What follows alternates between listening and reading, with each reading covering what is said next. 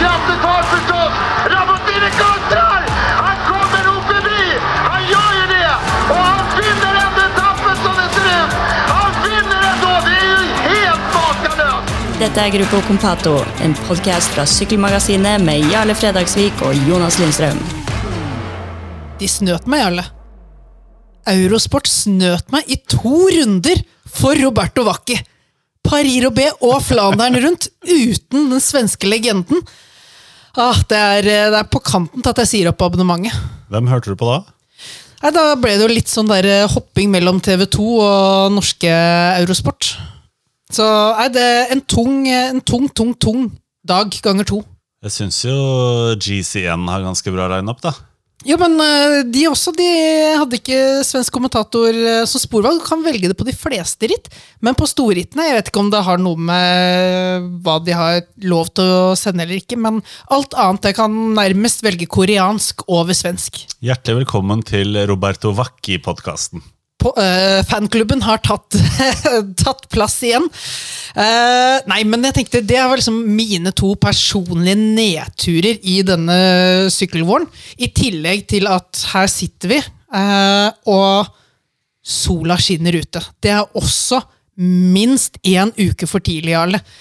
Nå har vi disse her søndagene som fylles opp av sykkel fra start til slutt. Vi kan ikke sitte og se på sol da. Det skal være fire grader, regn, drittvær, god samvittighet for å sitte inne. Hæ? Hæ?! Hva Nei, mener du med altså, hæ? Det er jo samme slags vær der ute når man sitter inne og ser på sykkel. Nei, fordi vi Altså, i Hva gjør du under Tour de France, da? Jo, men det, da er du på sommeren, men vi i Norge vi er så fostret opp til at du må ta hver solstråle du får på våren. Utnytte det. Du vet aldri når neste kommer. Så, det ligger så i DNA-et i ryggmargen vår at uh, man kan ikke la være å kjenne på litt grann dårlig samvittighet. Så nå har du et dilemma foran Liège Baston Nei, på ingen måte. Herregud, jeg driter i den der dårlige uh, feelingen. Jeg er så unorsk som det kan få bli. Liège, Baston Liège over 20 grader og sol. Jeg har aldri sett deg brun, for å si det sånn. Nei, jeg, Har det skjedd? jeg er den eneste som kommer tilbake på jobb uh, blekere etter en sommerferie enn jeg var før. Så jeg får sagt til alle på jobben jeg skjønner ikke hva man skal med fem uker ferie i løpet av en år når Tour de France bare varer i tre. Det burde kutte, kutte ned de siste to ukene. Jeg har blitt sånn mann 40, jeg, vet du. Det kjedeligste jeg veit, er å ligge på en strand og bare bli brun. Det klarer jeg ikke. Jeg må Nei. surfe eller øh, Har du noen gang surfet, ja, eller? Uh, Sånn når jeg ligger på magen på surfebrettet. Bodysurf har jeg Ja. gjort.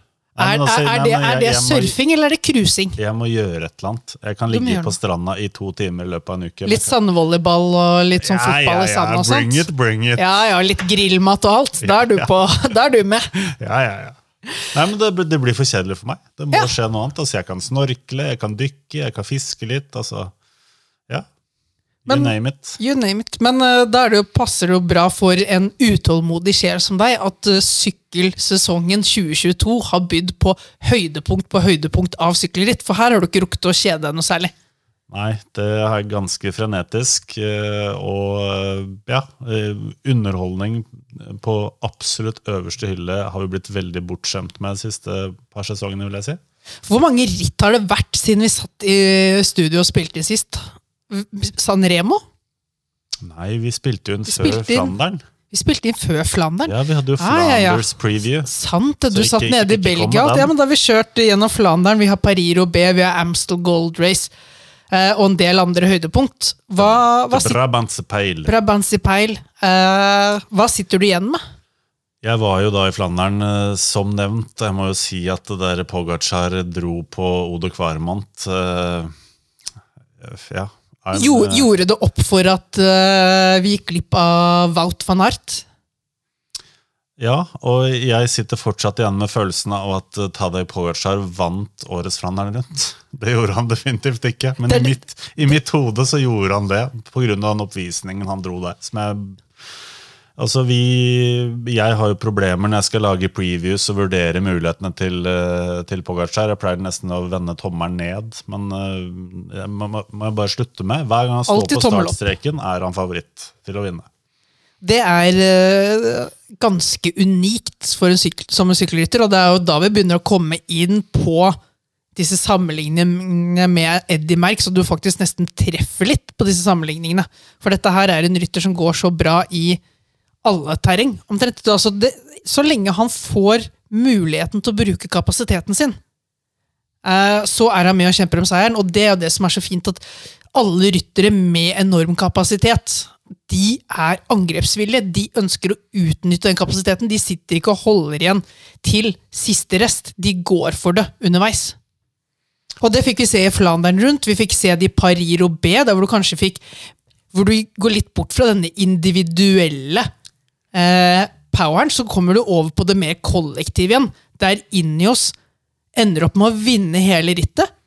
Men de kunne nesten vunnet på en mer overbevisende måte enn de hadde gjort. For hvis ikke de hadde hatt såpass mye uhell som de hadde på de første brosteinspartiene, med en Filippo Ganna som punkterer, med en Sheffield uh, som går ned i velt, så tror jeg de Det hadde vært en god mulighet for at de holdt gruppe to med Mathieu van de Poel, med Wout van Aert, fra livet. Hele rittet. Det er ikke sikkert de hadde kommet opp i det hele tatt.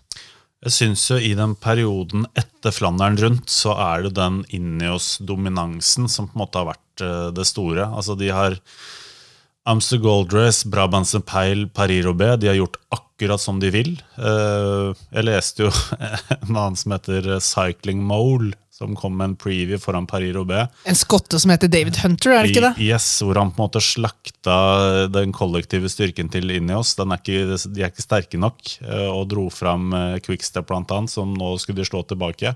Og så er det akkurat det motsatte som skjer. Også de har det by the balls hele veien. Eh, Og de tar, de tar det før du kommer til brosteinen. De tar det i sidevinden. De tar det den ene, de der få kilometerne hvor van Art og van der Poel faktisk tar det piano, og hvor, hvor den her selvtilliten nesten bikker litt over til naivitet. da. Og så har du det kollektivet, og det som er så imponerende der, er jo at de går rundt med alle mann. Det er ikke én som står over, det er ikke en kaptein som trekkes fram. De går inn, og så kjører de hele laget fram, og går på rulle med hele laget i to-tre mil, før de begynner å spare noen lite grann.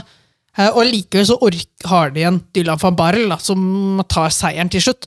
Så de holder distansen samtidig som de investerer så tidlig i løpet på å komme i forkant. Så helt mesterlig opplegg, og det som har vært litt gode, gamle trauste inni oss og Team Sky, har jo kommet ut med en helt nytt ansikt. De har jo kastet seg på ungdomsbølgen og fått en sånn kollektiv boost av det. Og så er det interessant hvor kjapt ting snur. Altså Quickstep, det dominerende klassikermannskapet, er eh, borte.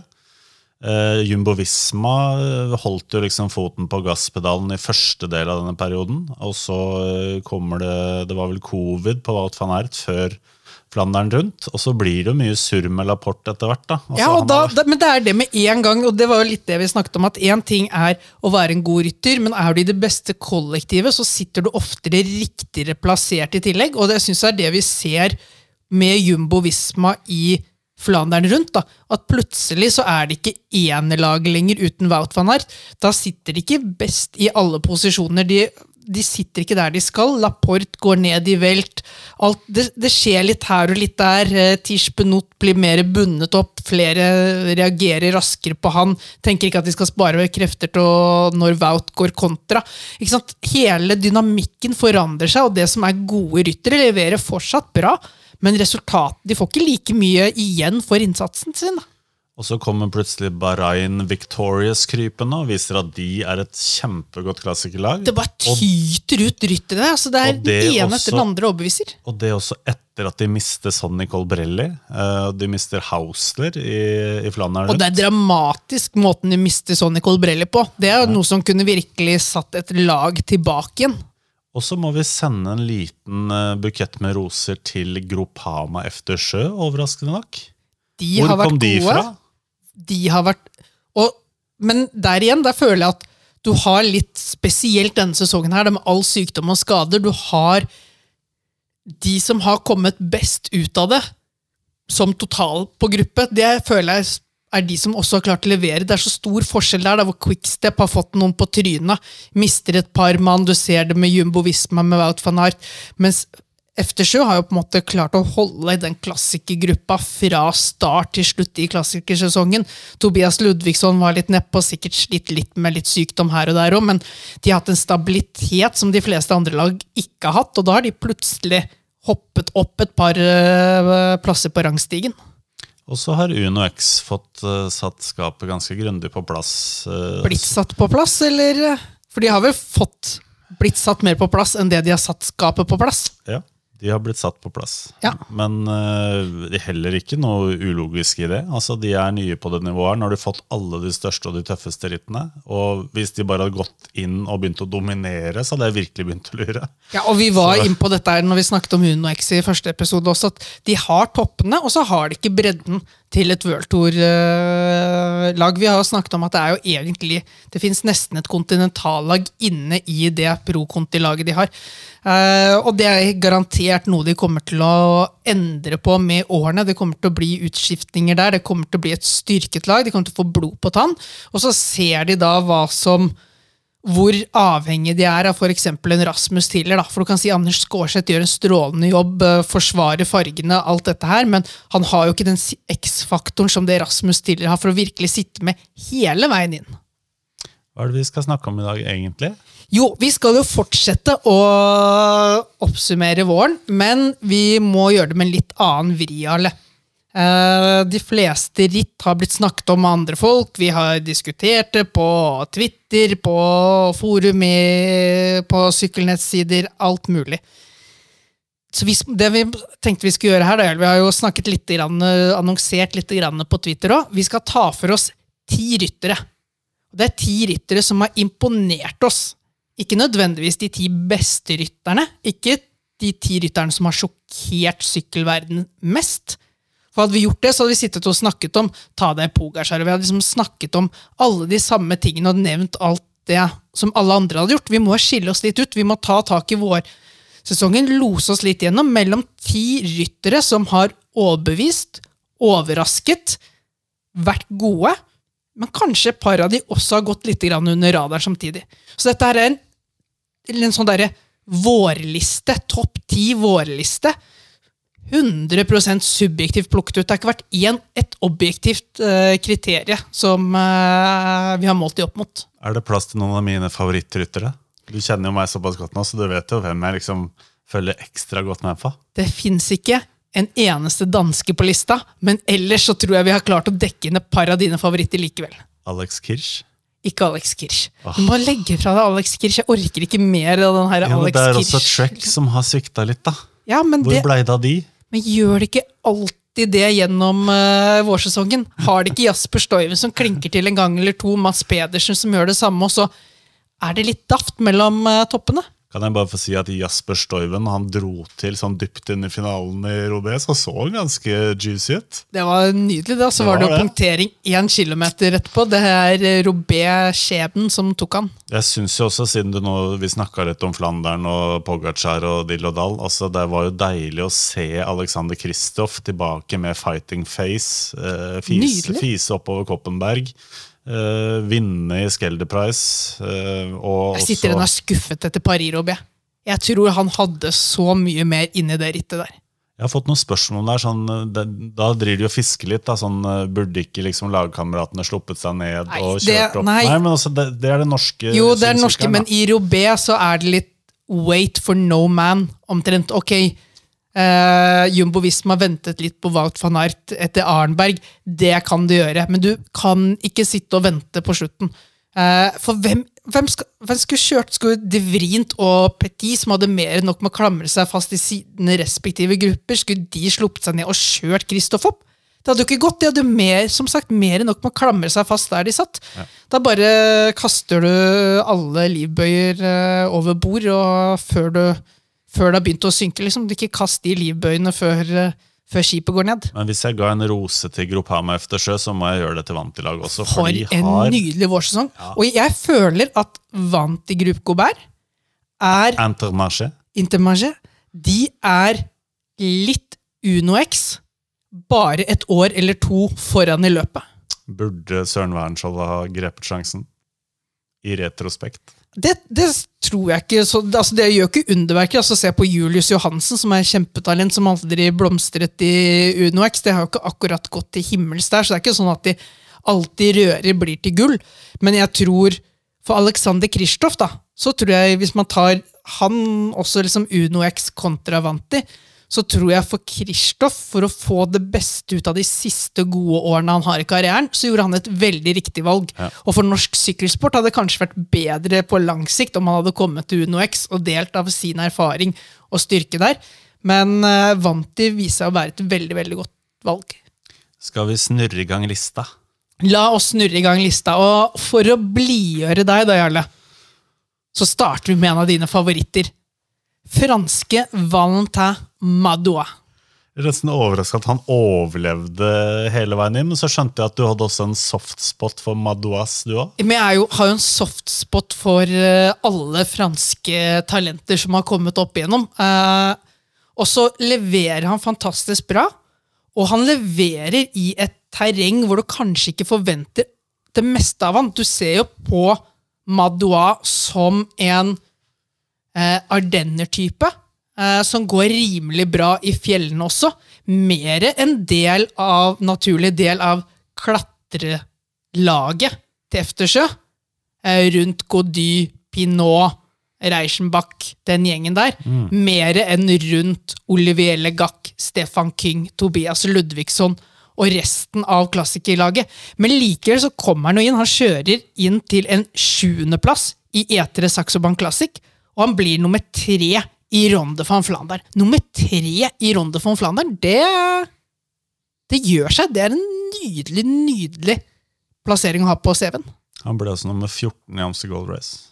Nettopp. Så han, han går med der også. Han, han klamrer seg godt fast, og han er kanskje en av de som har blitt litt inspirert av å se en type hva en type Tadej Pogacar får til, hva disse her litt lettere rytterne med kapasitet, som han tidligere har sagt at de er for lette for brostein, de bare spretter oppå. Nei, vet du hva, de, hvis de liksom knekker noen koder, kommer inn i et godt kollektiv, da, som han gjør her i Eftersjø, så, så kan han gjøre underverk i disse rittene òg. Det var for så vidt en fin innledning du hadde. Han har vært med fire ganger i Liège, Baston Liège, og gjerne rundt Gaudy. Og det stemmer jo også med hvordan vi husker han fra Tour de France. Ja.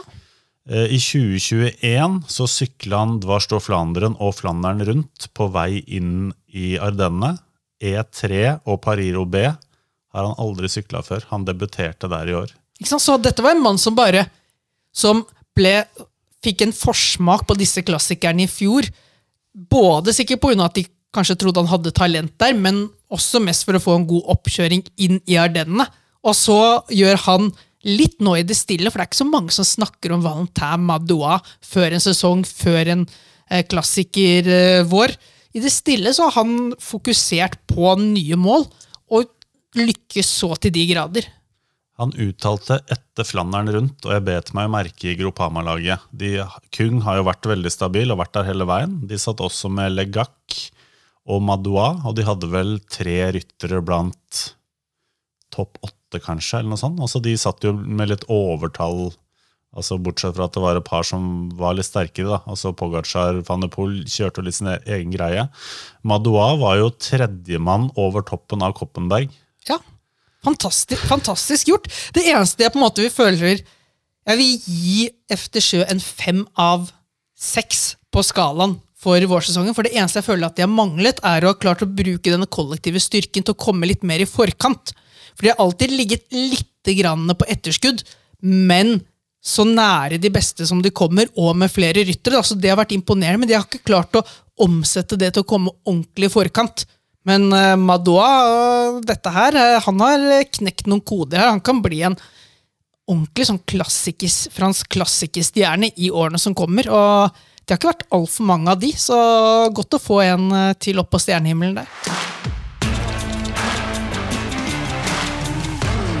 Litt mer Madoua som vi kjenner da, fra Paris-Nice. Så ikke noe i brudd underveis. Han er en habil klatrer.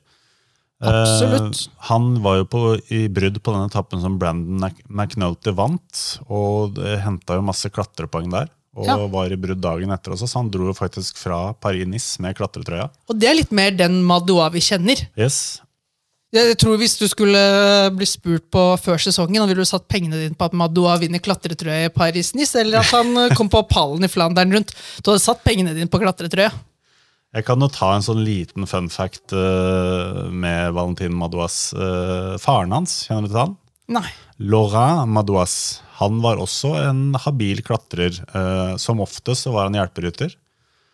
Han ble nummer fire i Liège-Baston-Liège i 1996. Og da sykla han for Motorola. Så han var hjelperytter for Lance, som ble nummer to. Ah.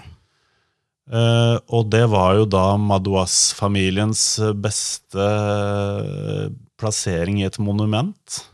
Inntil Valentin nå ble nummer tre. Opp. Så han sikret første podieplassen i et monument. Yes. Og føl, begynner du å føle deg litt gammel? Jeg begynner å føle meg litt gammel når dette her er sønnene til de som konkurrerte med disse stjernene man vokste opp med. Ja. Å følge.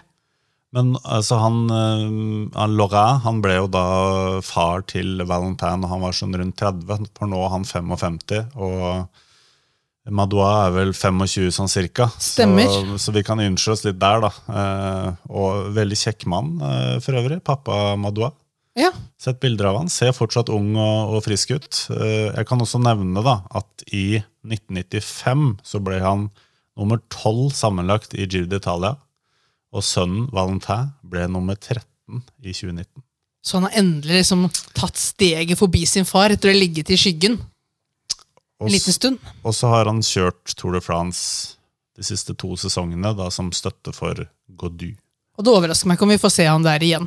Og det overrasker meg ikke om vi får se han mer på brostein i til heller. Det tror jeg så absolutt. Dette her er en eh, rytter som eh, garantert kommer til å bli dyrket i Eftersjø, og det Frances de Sjø-laget som er på gang, når du ser litt på det som skjer på kontinentalnivå, de talentene som kommer opp, Lenny Martinez, eh, Romain Grégoire det kan, Hvis de klarer å slå kloa i disse her over lang tid, så kan Frances de Sjø-laget bli det kan bli en helt ny vår for det franske laget. Det kan bli et, da kan vi få et fransk topplag igjen som virkelig kjemper mot de beste eh, på den internasjonale scenen. Jeg vurderte å nominere Gregoire. Hadde, oh. hadde du godtatt det? Hadde kjøpt det blindt! Men vi har jo fått innspill fra, fra fansen, eller fansen sier jeg, altså lytterne våre. Eh, og de har jo, noen av de har snakka om Stefan Kung. Ja. Hvorfor har vi ikke han på lista? Jeg føler Stefan Kung vært fantastisk. Kjøresterk, der framme, lukter på seier. Får det ikke til. Copy-paste fra tidligere år. Det er, Stefan King er så god at det som mangler, er at han får den virkelig store seieren. Han må knekke koden på hvordan han vinner sykkelritt. Eh, så jeg føler sånn sett Man kunne ha hatt med King, fantastisk god, men jeg føler ikke han har tatt samme steget opp da, som det Madoa har gjort. Sånn sett ikke overrasket like mye. Han er stabile King som er der. Et mareritt for alle, men kommer seg aldri i forkant. Han, han har ikke akselerasjonen til å ta folk på senga, og samtidig så har han ikke liksom dette taktiske genet og klokskapen til bare å snike seg av gårde. Ref. Dylan van Barl, da. Så sånn sett, Dylan van Barl hadde vært nærmere lista enn uh, Stefan King. Han burde jo vært der. Kanskje. Hvem har du på neste plass? Neste plass, den tror jeg på en måte en, alle som tenker seg litt om gjennom sesongen. Hvis det er én de liksom bare Ok, men denne personen må jo være på lista. Binyam Girmay. Historieskriveren. Henter inn første afrikanske seier i en av disse store, store belgiske rittene, da han tar hjem Gent Wevelgem. Og det her er på en måte Den fantastiske med denne historien her er jo at dette her er altså en afrikaner, en ung far, eh, som lever av en idrett hvor du må konkurrere i Europa da, for å være proff og leve godt av dette. her. Så han reiser til Europa. Han kjemper seg gjennom vårsesongen. Han bestiller billett hjem. Og så er det sånn Ok, men før du drar hjem, kan vi ikke bare gi deg en liten test på brosteinsklassikerne da, i E3 Saxo Bank Classic, fordi vi har litt tro på deg i framtiden? Klinker han til med femteplass? Og så bare utsetter han billetten hjem en uke, bare sånn at han får med seg Gent Wevelgem også. ta seieren der, og da tenker man kanskje ok, han er jo i sin livsform, nå må han jo ta Flandern og Paris-Roubais. Hva, Nei, vet du hva, nå har jeg vært mer enn lenge nok borte fra familien min. Nå, jeg har forpliktelser hjemme også. Jeg må også eh, ta det med ro. Jeg er en ung eh, fyr. Jeg skal ha et godt liv både på og av sykkelen. Så han hopper av resten av klassikerne, og det er ok for et lag som vant de, som er et lite lag som kanskje man sitter med følelsen på dette tidspunktet at desperat kunne tenkt, trengt Girmay her. De pusher han ikke heller. Dette her ordner seg, så dette her er så langsiktig og så fin menneskelig måte å gjøre det på.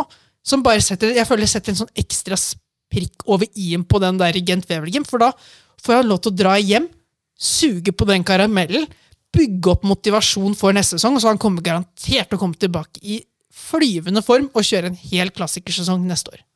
Et annet moment der er jo at han er fra Eritrea, eh, så da trenger han et sånt Schengen-visum for å være i Norge. Og det tror, nei, Norge sier Europa. For først og fremst Norge har i. Ja, ikke sant? Og det tror jeg er sånn 90-100 dager, så jeg tror Ja. han var pressa på tid. Selvfølgelig ville han hjem til familien sin. Eh, Han starta med noen samlinger først, ikke sant? Eh, Mm. muligens i desember. eh, Og så var han jo tidlig på'n på Mallorca. Og Han kjørte ritt allerede i slutten av januar. Han, ja, han gjorde det. han vant jo det andre rittet han kjørte, Trofeo Al-Suidia.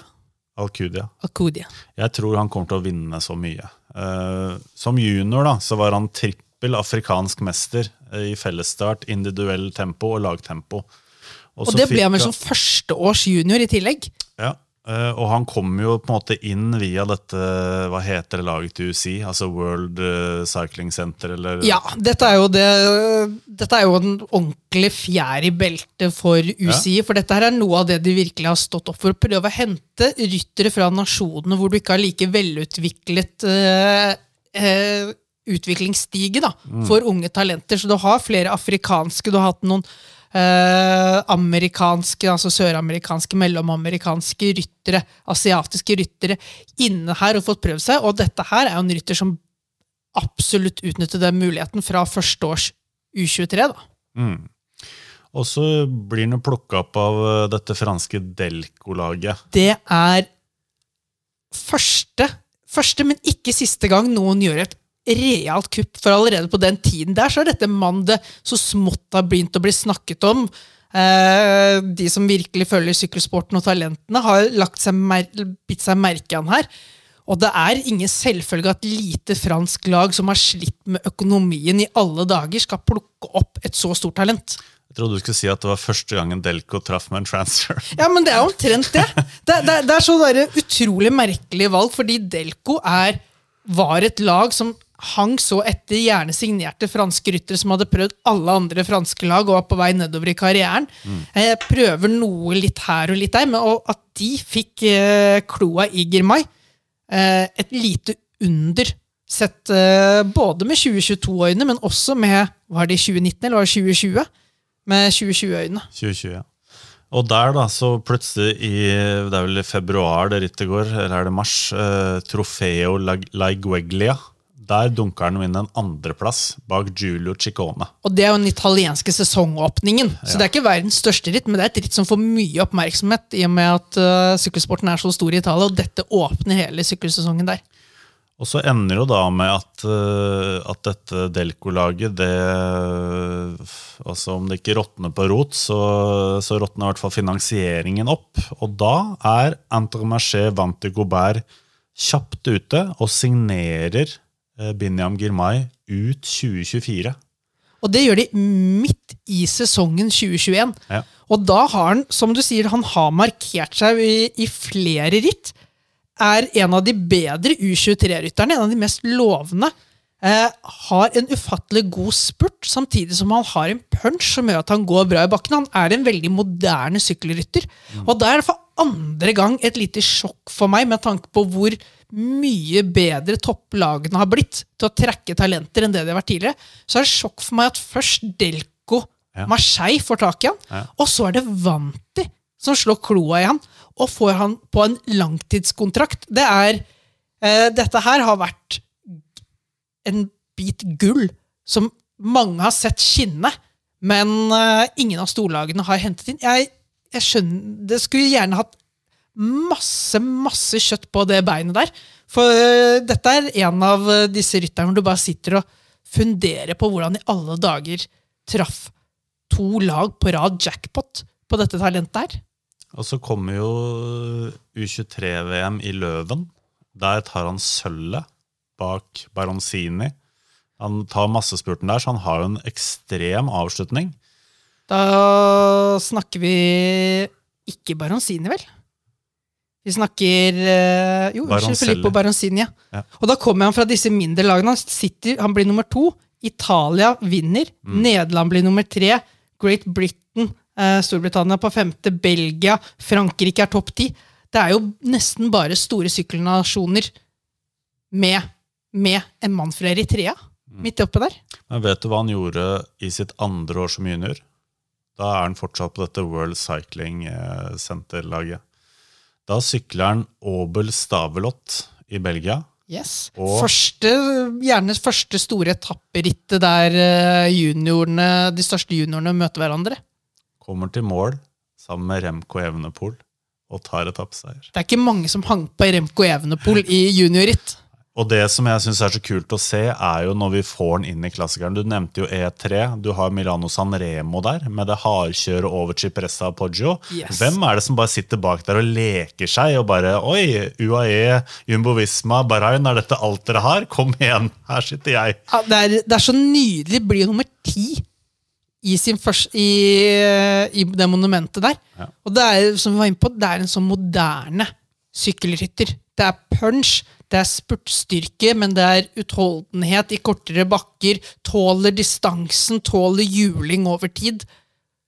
Nei, en, en moderne, helt nydelig sykkelrytter. Og så er han veldig god i posisjoneringa, og Ja. det er overraskende. Dette har jeg snakka med Sven Erik Bystrøm om. Han sier jo at selv om han kom inn på dette UCI-styrte laget, så Sven Erik Bystrøm kjørte jo ritt i Belgia fra han var 15-16 år. Ja. Altså via miljøet i, i Stavanger. Har fått fostret opp, blitt eh, trent inn i alt det som har med å sitte i sykkelfeltet å gjøre. Så at det da kommer inn en afrikaner, eh, med helt annen bakgrunn, helt annet skillset. Han er jo kjempeflink på sykkelen. Ja. Teknisk er han strålende.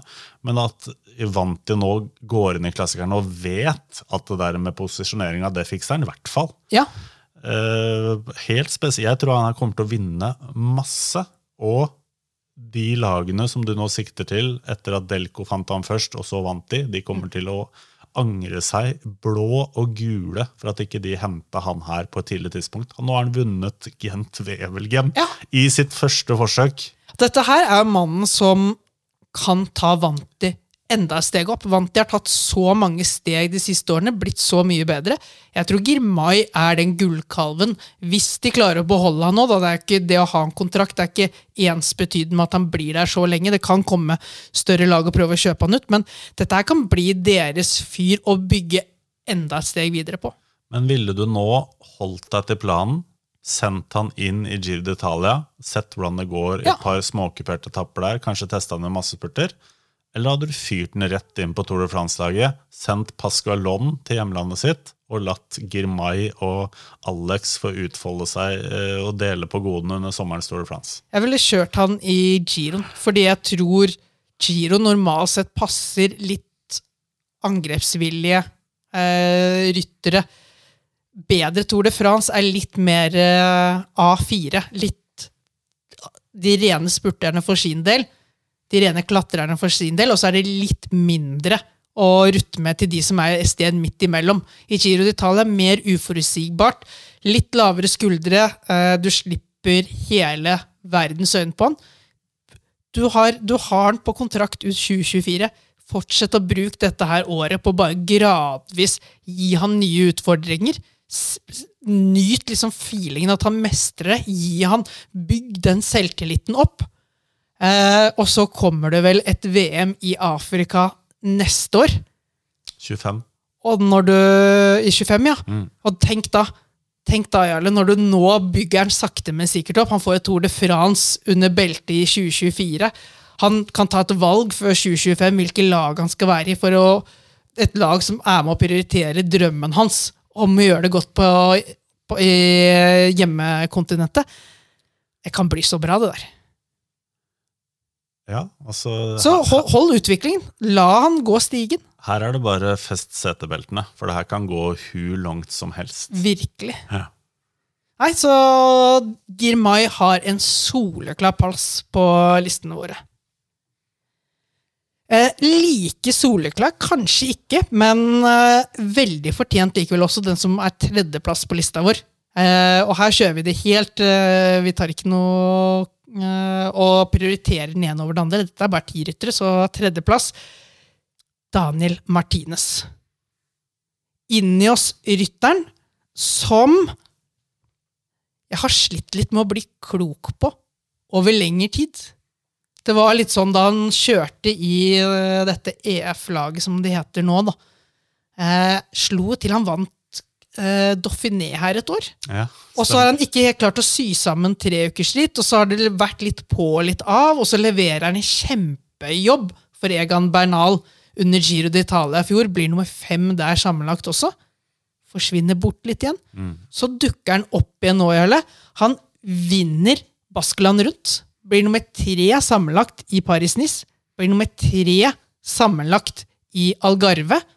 Og plutselig så er han stabiliteten selv.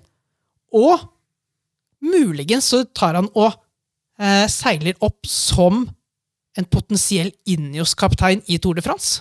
Altså Hvis vi går litt tilbake i tid da, og ser på de store Sky-rytterne, da, for å bruke det navnet eh, altså Dette er Drain Thomas, Bradley Wiggins, Richie Port-resultater, oppladning. Det altså, det. det- dette ser ut som en Tour de France-kaptein. Og det, er- han er ikke helt ulik de som typer heller, for han har en veldig god tempoferdighet i bånn. Det har han alltid hatt i disse årene i EF også. Så han leverte han alltid veldig godt på tempo. Så har det liksom vært klatring som har vært litt opp og ned. Nå virker han så stabil i fjellene i tillegg. Og han har, litt, han har også litt av den der punchen. Han er ikke helt Pogacar og Roglic-akselerasjon, men han er ikke en treg eh, seirumpa klatrer heller. Dette er en mann med litt punch og offensivitet i mindsettet.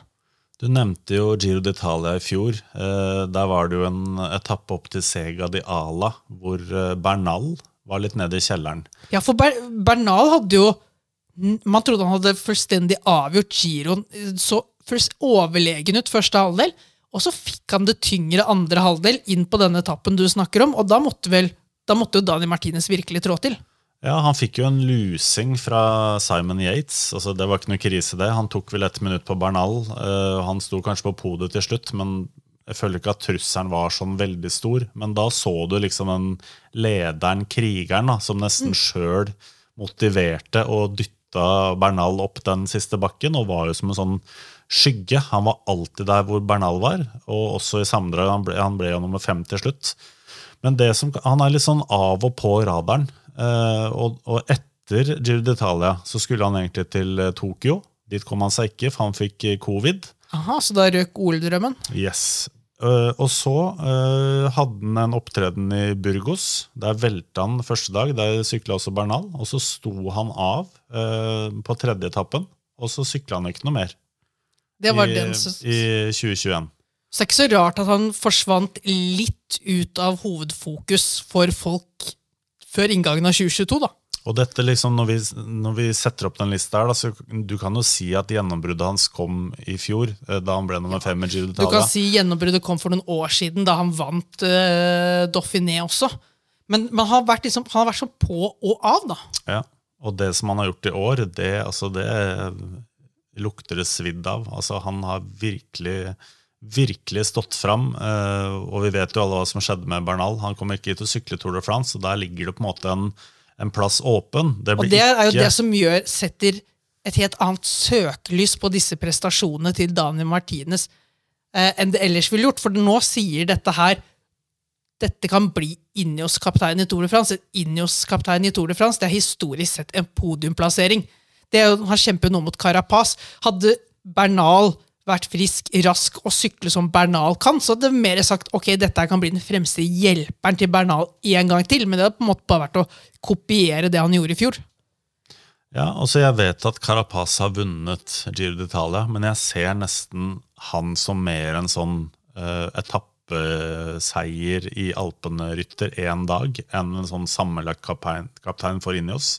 Han må gjerne motbevise det, men uh, han, han, jeg stoler ikke helt på han. Og hvem andre skal det bli? Altså, det, er, det er litt sånn litt stygt, da, men det er litt sånn daukjøtt inni oss systemet også. Altså, du, du, setter ikke opp et Tour de France-lag rundt uh, Jeren Thomas. Altså, det har skjedd for mye i de, de, de siste åra til at det fungerer. Adam Yates får ikke sydd sammen 21 gode dager på rad. Sivakov er ikke der enda. Tao. Tao har ikke øh, vist at han hadde det nivået inne lenger som da han vant giroen. Foreløpig har det vært et litt one hit wonder. da.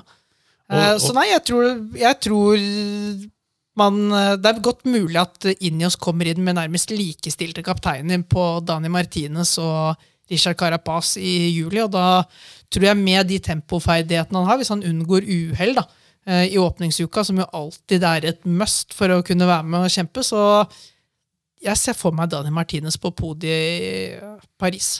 Og så har han hatt en del fine dueller allerede. Det er jo ikke alltid at disse største rytterne klinsjer mot hverandre, men han, altså, han har vært oppe mot Evenepool et par ganger.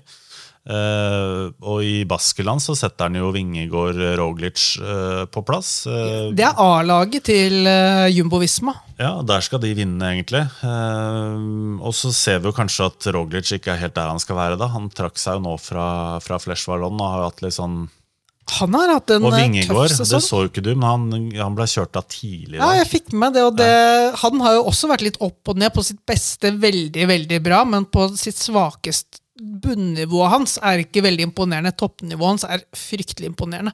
Men der har du igjen denne Ineos-stabiliteten. Ineos elsker jo stabilitet, de elsker jo forutsigbarhet fra sine ryttere, så jeg tror han, Danny Martinez er i den utviklingen han har, det bare passer som hånd i hanske eh, for dette Ineos-mannskapet. Jeg tror eh, han har en høy, høy stjerne internt. Skal vi hoppe over til en som er i ferd med å bygge en eh, ordentlig stjernekarriere i samme lag? da? Det er mye gode navn på den lista her, altså. Det er det, og det er et par lag som nesten kunne hatt lista alene. Og Injos er et av disse lagene, der vi må videre også til neste Injos-rytter på lista, og det er Ben Turner. Altså, Maken til dedikert hjelper har jeg knapt sett. Og jeg liker egentlig også måten hvor Ineos konsekvent og litt sånn kynisk bare har brukt han som en hjelper, men så er han så urovekkende sterk, da. At det er sånn Gi den gutten der fem år, og hva har du da, liksom? Ja. Altså er, det, altså er det en Spartakus, eller er det mer sånn det som kommer ut fra inni Ineos-leiren nå, da, at uh, dette er på en måte arvtakeren til Luke Rowe? Som jo Ja. er en veldig spennende tanke. Det er en jo spennende tanke. Akkurat sånn de har brukt den også. Men bare, altså, det, er, det, er, det er en slugger, altså. Han kan du slå i bakken ti ganger, og han reiser seg rett opp igjen Ja. hver eneste gang. Men jeg tror jeg, må, jeg tror jeg bare må stille spørsmålet som jeg, som jeg, jeg nærmest tror alle våre lyttere sitter og spør. Hvem er det? Hvor faen kom han fra?! Hvor kom Ben Turner fra?! Eh, og det kan vi jo si, Ben Turner er jo vokst opp i Yorkshire, Ja. i Doncaster. Eh, da hadde Tom Pidcock, omtrent på samme alder, som har vokst opp i Leeds. Så disse har kjent hverandre fra tidlig tenår. Eh, så tok Ben Turner en litt annen rute. Han reiste ned til Belgia. Flyttet Han ned tok en U-turn. han tok en U-turn eh, ned til eh, Du er fryktelig sterk her, Jarle. Eh, ned til Belgia sammen med, med familien sin som 17-åring. Og han startet der å sykle i Corridan Circuit-laget, som er, Mat- var liksom Mathieu van de Poel sitt eh, lag, da, som først og fremst rundt cyclocross. Så han har jo syklet cyclocross, ble nummer tre i VM for junior i 2016-17-sesongen. Da Pidcock vant. Pidcock vant, og det var vel Ben Tullett, en annen nysignering i Ineos, som ble nummer to. Så hadde, plutselig var det britene som tapetserte pallen i en idrettsgren egentlig forbeholdt belgere. Og det må vi jo si, altså den britiske talentutviklinga akkurat nå. Altså de har Jeg vet ikke hvor mange ryttere de har i World Tour, men de har sikkert 30 stykker som bare er på vei framover. Og, og det som er så morsomt, er at tidligere så kom alle disse presset ut av British Cycling-løpet. men nå siver de inn fra alle mulige kanter. Du har flere som har gått andre retninger, sånn som Ben Turner. Eh, men han hadde jo tre år da i Corridon Circuit. Satset først og fremst på cyclocross. Ja. For å være litt stygg, så har han vært rimelig middelmådig. Det har vært sånn femte- til tiendeplasseringer i U23-klassen de seneste årene. Det er ingenting som gjør at du sperrer opp øynene. Eh, og det gjorde de ikke i den grad heller i det belgiske laget til Mathieu van de Poel. At man tenker seg at ok, men de har jo sett han her i to-tre år. Hvorfor ble ikke han sluset inn i Alpezin Phoenix-laget? Men han gikk jo egentlig til den britiske utgaven av Corendon Circus, vil jeg si. da. Ja, Altså En annen satsing som kombinerer eh, ryttere som skal blomstre enten på landeveien eller cyclocross, eller gjøre begge deler, som også Pidcock har vært innom. Og som Trinity Racing. Og som styres av agenten til Edvald Baasen Hagen. Gjør det det, ja? Yes. Det visste jeg ikke, for, men det jeg vet, er hvem som sitter med sånn sportslig ansvar som sportsdirektør i det laget. Og det er en god, gammel kjenning eh, for de fleste i en standard. Han tipsa Ineos om denne gutten og sa Nettopp. dette er en fyr som eter brostein til frokost. Han kommer ikke helt i sin rett i U23-ritt, men prøv han her et, et steg høyere opp. Han- han til- trenger han mer juling. Han trenger mer juling enn det U23-ritt kan eh, tilby. Ja.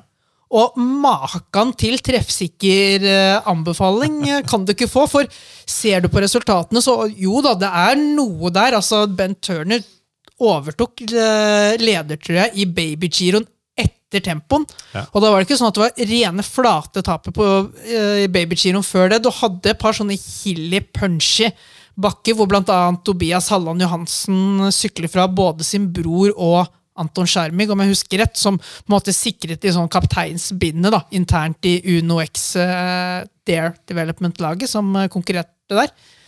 Uh, så han var jo veldig god der. Uh, og så dabba det litt av. Han fikk, falt vel under prologen i Tour de l'Avenir. Skadet seg ganske stygt eh, i ansiktet.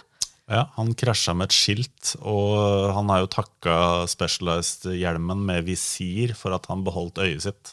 Ja, ikke sant? Så, og han var, han var ute sånn halvannen uke til to uker, så det var, så det var, ikke, det var ikke så ille. Men det er jo noe Men- med liksom traume når du skader, altså brudd i ansiktet og kutt og liksom Og når det er avslutningen på din U23-karriere, det neste som venter, er rett inn i klassikerlaget til et av de beste lagene i verden. Er, du kunne fått litt høye skuldre av eh, mindre, men, men altså Fyren har jo høye skuldre, han er 1,96 høy, men kjører så avslappet som om han har gjort dette hele livet.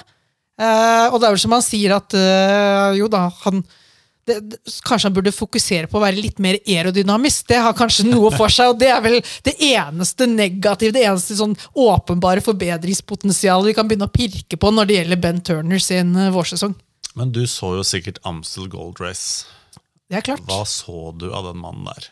Men altså, For han malte jo egenhendig hele feltet i fillebiter. Altså når Ja. det var tre-fire mil igjen. Men han har blitt, han har blitt en ordentlig grovarbeider. Han er ikke, og når du snakker grovarbeider, så kan man snakke en grovarbeider som jobber de første 100-150 km for å ta vind for kapteinen. og alt dette, Men han er, han er på en måte det, og så tar han traktorrollen. Altså det er litt sånn i en standard eh, de, Tim de Klerk eh, Det er liksom bare sånn der kombinasjon av det. Der han har rett og slett vært rytteren framfor noen annen som har bestemt når uten store utskillinger skal skje i de store rittene de siste to-tre ukene. Luke Rowe. Ja. Men jeg fant en tweet som var litt kul. Dette har jeg rappa rått og rødt i. Altså, Dette er Ben Turners eh, plasseringer. E3 27, Gent Wevelgem 28, Dvarstov Flandern 8, Brabantse Peil 4, Pariro B 11. Og så kommer det som jeg bet meg merke i. Under to av disse rittene vant en lagkamerat. Pariro B, Brabantse Peil. I to andre ble lagkameraten to eller tre. Eh, Flandern rundt og Dvarstov Flandern. Du kan ta med at de vant i Pariro B også, så du har fått tre seire nå, da. Ja, jeg hadde med Pariro B. Ja. Men eh, ja, altså eh, Det er bare noe med bidraget hans her. Altså, Ja. Han har jo ikke liksom tredjeplasser i alle rittene han har kjørt, men det er ikke poenget heller. Altså, det, det bidraget hans er så sinnssykt verdifullt. Eh, Det har jo I mange andre idretter så har du jo en benevnelse som er most valuable player. Ja. Det, er, det er litt det han har blitt for inni oss her. Det er, han holder taktstokken, og han, han er med på alle disse angrepene som går underveis. Han sørger for at de aldri havner bakpå, og ofte havner i overtallet front. da.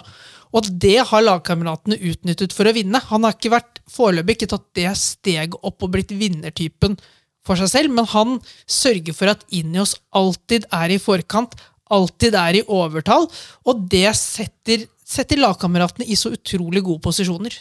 En ting jeg også liker litt med Ineos, er at eh, de har jo også eh, fått Pidcock til å jobbe. Fordi han Ja. er ikke der han skal være. I Og, da- og det, det, det, er nesten, det er nesten vært en Nesten en sånn derre hell i uhell. Tror jeg Ja. at han ikke har vært så rå. For nå har de kunnet se hva de har gjort med den kollektive lagstyrken sin. Hvis de skulle vært alt rundt han, da, så skulle han kjempet mot van de Poel og van Art. Da setter du egentlig bare opp for å få en mann mot mann mot mann-duell. Nå har de istedenfor knust dem på kollektiv styrke. Han er neoproff. Han er det. Det er klart han er. Mannen har, jo ikke- mannen har jo ikke han, Mannen har ikke syklet noe annet enn to pro og World Tour-ritt i år. Så det er ikke noe sånn punktum én, punktum to-ritt for å komme i gang med, sesong, med livet som proff. Rett inn i de største rittene, lever som pokker. Nei, det, det, er så, det er så gull verdt å ha en rytter som han. Uh, Inni og sitter bare og gliser over seg selv og sin egen fortreffelighet i å ha funnet denne typen. Nå håper jeg vi er ferdig med inni oss på den lista her. Vi er ikke ferdig, men vi tar en liten pause, da. Okay, greit. Vi tar en liten pause. La oss heller komme oss tilbake igjen, eh, spore oss tilbake igjen på dette colombianske klatresporet. En annen mann som har vært der lenge, litt sånn som Dani Martine slår til innimellom, men ikke alltid vet ikke helt hvor du har den. Sergio Higita. Nå i Bora Hansgrohe. Og Bora Hansgro har truffet bra. altså Vlasov har sett bra ut i Ja. Bora Hansgro. Ja. Sergio Higita har sett bra ut. Så de har jo Jeg tror fortsatt ikke at de har et heidundrende Grand Tour-lag, men jeg tror det ut med sagaen og entourage der, Ja, ja. så har de fått noe tilbake i disse litt kortere etappeløpene. Han er jo colombianer, så han er god til å klatre. Det vet vi jo. Det vet vi. Men han er også litt sånn uh, altså, Hva skal jeg si? Klatrer forkledd som spurter, eller spurter forkledd som klatrer. Ja. Altså, han har en, en rå avslutning i det selskapet her. Yes. Og jeg husker jo fra U23-VM i Yorkshire i 2019. Da ble han nummer fire. Da satt han i gruppa sammen med Samuele Battistella, Stefan Bissegger, Thomas Pidcock, Andreas Krohn og Tobias Foss inn til mål. Jeg kan vel også nevne Nils Eckhoff, selv om han har glemt det. Selv om han eh, røk på en 19D-plassering. Og da, eh, i forkant av det, så hadde han vunnet en etappe i Vueltaen. Nettopp. Eh, så, så det var liksom Men, men det, det, var en, en av, det var ganske tett på, da. Så det var en, en, en av grunnene til at man snakka om han liksom blant forhåndsfavorittene. Men jeg tenker jo egentlig ikke at han skal liksom komme til sin rett i en sånn der regntung løype i Yorkshire. Nei, og det viser allsidigheten hans. Og så er det som du sier, han har jo en veldig punch i beina. Så du ser, foran, du ser deg for, for liksom at dette må jo være en fyr som vinner veldig mye. Men det er jo det han har slitt med. Han har slitt med å omsette disse gode prestasjonene og disse uhorvelige topp fem og topp ti-plasseringene han har hatt, i seier. Altså, han har vunnet en del hjemme i Colombia. Eh, og så vant han denne etappen som du snakket om, da, i Vuelta Spania i 2019.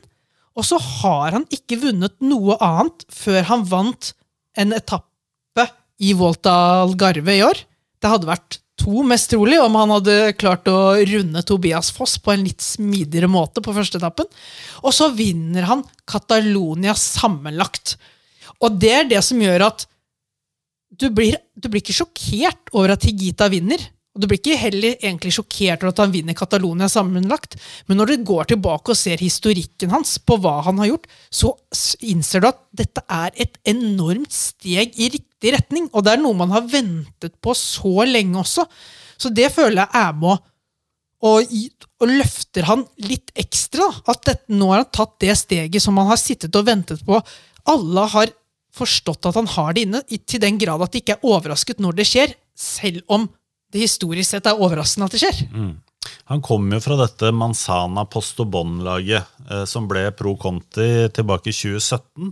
Og hvis du ser på, hvis du plukker opp det, det han sykla i 2018 altså Ja. Det var en salig blanding av franske, spanske og portugisiske eh, etapperitt på andre nivå på våren. Og så dro han på fire etapperitt etter hverandre i Kina på nesen.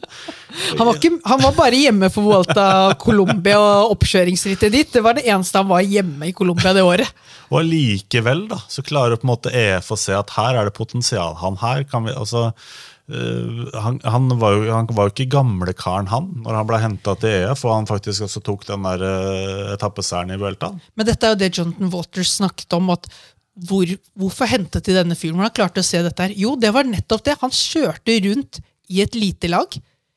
Overalt i Europa hvor, du, hvor enn eh, EF-laget dro, så dukket han opp der og leverte varene på egen hånd. Altså Han fighta, og som Wachter sa, at mange av disse her colombianerne blir jo liksom de får litt hjemlengsel, og de, de, det er ikke alle som takler li, profflivet i Europa like bra.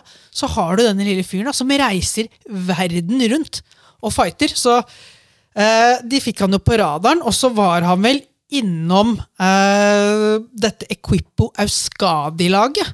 Ja, det Det var vel mer sånn for å få en overgang til EF. Det var tanken at han skulle kjøre der litt lenger enn han gjorde, men han, bare, han leverte så utrolig bra i det laget der at eh, de innså bare vi må få han Vi må få han inn allerede midtveis i 2019. Og så må vi kaste han inn i en Grand Tour, og så tar en etappeseier der. Så han, verden lå jo for hans føtter da korona brøt ut. Og så har det på en måte stoppet litt grann opp der. Det ble ikke like eksepsjonelt som man kunne tro gitt denne 2019-sesongen. Eh, og, og, og hva det liksom så for deg at dette kunne bli videre. Så det er først jeg føler i år han har klart å ta steget opp. 2020-2021 har blitt litt grann status quo. Man ventet på at det skulle komme noe mer. 2022 er foreløpig året hvor han har tatt det neste steget. Men det er et moment som vi kanskje bør stoppe opp litt ved her, og da tenker jeg litt sånn fotballens verden. Du, okay. Nei, altså Der prøver du å finne det neste store. og Mhm. ofte så, altså Sadio Mané, for eksempel, hvor kom han fra, og hvor langt når ikke han i karrieren sin? Det er litt den potensielle payoffen der, da, ved å sjanse mm. på en kol- colombiansk unggutt eller en ung fyr fra Eritrea, som er tilfellet med Girmay. Altså, Potensialet og jackpoten her eh, det Er så stor. Ja, det derre rå talentet, fysiske egenskaper. altså Begge disse gutta har jo vokst opp i høyden. ikke sant? Det er et eller annet der, det er noe med kenyaner og løping. det er liksom... Det er noe med å måtte reise til Europa i tidlig alder, eh, takle overgangen til den type felt, den type kjøring. For det, Man snakker jo gjerne en læringskurve, men så er det også forskjell på hvor naturlig du lærer disse tingene. Noen må jobbe med noe langt over tid for å få det inn under huden, og noen er mer vokst opp med å bare takle de tingene der. Det er jo talent i seg selv å takle feltkjøring, posisjonering, og det her har jo disse to kara. Dani Martinez også er på en måte vokst opp i fattigdom. altså Ja. ti, ti eh, mil unna Bogotá, liksom, med en sånn liten forstad. og kom, Kommer så å si fra ingenting. da, Får seg en sykkel, dette er bra. Og så leverer du og har gjort en sinnssyk innsats siden de først starta der. Men eh, altså, alt er mulig, eh, også for de gutta her. Er Men, eh, Og veldig ålreit å se at lagbyttet har hatt en så god effekt på han. Og at uh, Båra, som kanskje man ser kanskje for seg som et litt sånn mer maskinelt lag, at de også slipper fri en kunstner. da, For jeg føler at uh, Higita er en litt mer kunstnertype av en rytter. Og så tenker jeg den Catalonia-seieren. altså Der er det også spurteegenskapene. Eh, Han, han henter bonussekunder. ikke sant? Han er alltid i toppen der og tar jo eh, seieren fra Carapaz på det. Eh, perfekt for den, altså kanskje nå, da, en ukeslang etapperitt, og så får vi se hvor utviklingen skal videre. Og I tillegg til den punchen så våger han å gå med Carapaz på dette lange tomannsbruddet altså, som uh, går av gårde og avgjør Catalonia. Eh, og det vitner igjen bare om den allsidigheten og selvtilliten han må ha bygd opp nå. For en rytter som Higita hadde ikke nødvendigvis gått med på de lange støtene tidligere. Så nei, og mm, godt gjort å holde unna der også. Fantastisk eh, start på sesongen.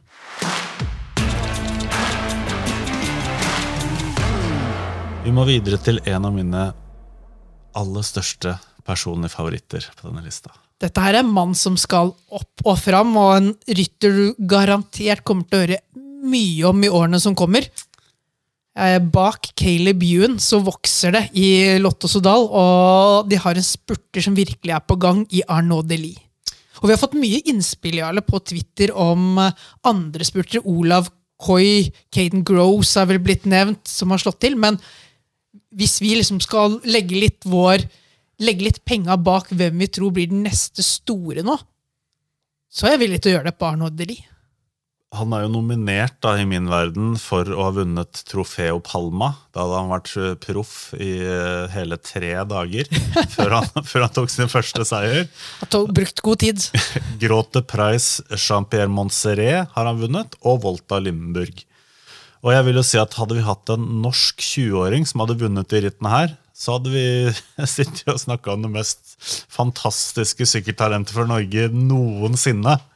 Og, og vi snakker ikke bare De tre rittene der kom ikke helt ut av intet, for han hadde én seniorsesong på Lotto Sudal sitt U23-lag i fjor. Det er ti seirer. Ti seire som førsteårs senior. Han vant bl.a. U23-utgaven av Het Newsblad. Han vant en etappe i Circuit des Ardennes.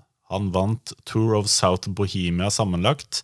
Han tok to etappeseier i Tour d'Alsace og kom på andreplass på en etappe under Tour de l'Avenir. Han ble belgisk mester i juniorklassen i 2019, vant juniorutgaven av De Brabantse Peil og har også en sjuendeplass fra juniorutgaven av Paris-Roubaix. Og grunnen til at vi kanskje tar han her, da, bortsett fra noen, altså noen mer sånn reindyrka spurtere, er at her er det noe mer. Det er noe mer, og det er, det er også alderen da, som vi er inne på, Jarle. Det at det er en fyr som akkurat har rukket å bli 20 år. Han har så vidt kommet ut av tenårene. Eh, I fjor satt der veldig god sitt i U23-laget til Lotto Sodal. Et utrolig godt samarbeid med Milan Frentin. Eh, det ble på en måte hans opptrekker der. Uh, Arnaud Deli gikk videre til hovedlaget til Lotto Sodal, mens Frentin gikk uh, til Sport Flandern. Så på en måte all den suksessen han fikk i fjor, da, var jo med et godt lag rundt seg på U23. Så har han måttet dra opp til altså han liksom dratt opp til profflaget, og så må finne ny sits. da, Nye folk å samarbeide med, nye konstellasjoner. Og så tar han det med en eneste gang. Og som du sier, dette er ikke en ren spurter slik vi tidligere kjente spurterne våre. Eh, nå har jo Spurterne har jo stor grad utviklet seg videre også til å bygge på enda mer kapasitet. En del av de tåler mer bakke. Se Caleb Ewan, liksom, hva han får til i bakkene. Og Arnaud, jeg føler at Arnaud Deli er, går veldig opp Caleb Ewan-veien. Jeg tror han kan gjøre det med Hvis du sier en Caleb Ewan med en belgisk twist, da. For eh, han er jo belgier, og han eh, er oppfostret på disse brosteinsrittene. og alt dette. Jeg tror han kan bli en helt nydelig rytter på klassikerne og i spurtene. Han er 182 cm lang og veier 78 kg.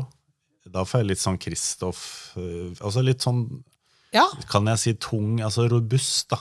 robust. Også, Tåler en trøkk. Ja, og så er han sånn skikkelig bondegutt, da. Altså, han er fra Le Charret i Vallonia, altså den franske delen av Belgia. Han har vokst opp 20 minutter unna Bastogne. Eh, faren hans er gårdbruker. Han står opp og melker kyrne på morgenen før han tar sin første treningsøkt. Altså, det er skikkelig... Arbeidskar. Ja, men han, han er så god. Ja, men, men det er Altså, Han er likemann. Han er en skikkelig fin type. soliditet fra ende til annen, både som rytter og menneske. da. Og så er det jo, Nå er han jo i Lotto Sodal, og det er litt sånn Eh, Så det er ikke tåredryppende, men altså nå er jo Philippe Gilbert og Arnaud Delis sykler nå på samme lag. Philippe Philippe Gilbert, altså Valonias store sønn, Sikkert en fra helt i Verviers. eh, oppveksten til Delis. Definitivt på vei ut av sirkusmanesjen. Skal ikke jeg si at dette er den nye Philippe Gilbert, men uh, dette er en ny storsyklist fra Vallonia. Det er jeg helt sikker på. Ja. Veldig, jeg er litt spent på om Lotto Sodal klarer å beholde han. Eh, rett og slett fordi de har slitt litt med å beholde de største. Tydelig ikke det største budsjettet de har. Uh, kan bli en krasj med Caleb Ewan hva gjelder evner ganske raskt også. Så det, det blir spennende å følge han fremover, hvor hans karriere går videre. Men uh, dette er virkelig et av de talentene Lotto bør jobbe videre med. De, har fått frem, de får frem så mye bra gjennom det U23-laget sitt, og det, det føles litt bortkastet hvis ikke de klarer å ta vare på en sånn diamant som Arnaud Delis. da. Du kjenner jo godt til Samin. Ja, Altså, det er tøft og brutalt og så usexy som du får det. Der ble han jo nummer ti, altså plassen bak eh, Rasmus Tiller. Og dit kom jo Lotto Sodal med toppa lag. Altså Ja. Gilbert var der, Fermers var der, eh, Brent van Moor var der, eh, Kampenarts var der, han ble vel fire eller fem eller noe sånt. Ja. Men jeg bare tenker at overlever du der, da, og er i hælene på Tiller allerede det, dette er ikke en øh, Dette er ikke en fløtepus som øh, blir blåst av øh, om det blåser litt, eller han får en kald skulder av en konkurrent. Dette, her, dette er en hardt arbeidende jernmann. Hvilket ritt tror du han drømmer om å vinne? Eh, Jeg vil tro Paris Robé. Helt riktig. Ja, tenk, at ikke, tenk at du ikke svarer Flandern rundt, men du er for, du er for skerp. for skarp i dette ene tilfellet. Og jeg vil også trekke inn i, øh, i konteksten rundt Arnaud Delis. Da. Vi snakker, Han kan bli en klassikerrytter, kan bli en storspurter. Jeg føler at vi nærmer oss et generasjonsskifte innenfor massespurtene. Du så i fjor hvor, Peter, nei, hvor øh, Mark Cavendish var tilbake igjen da, eh, og vant massespurter i Tour de France kanskje ikke det største sunnesteinet.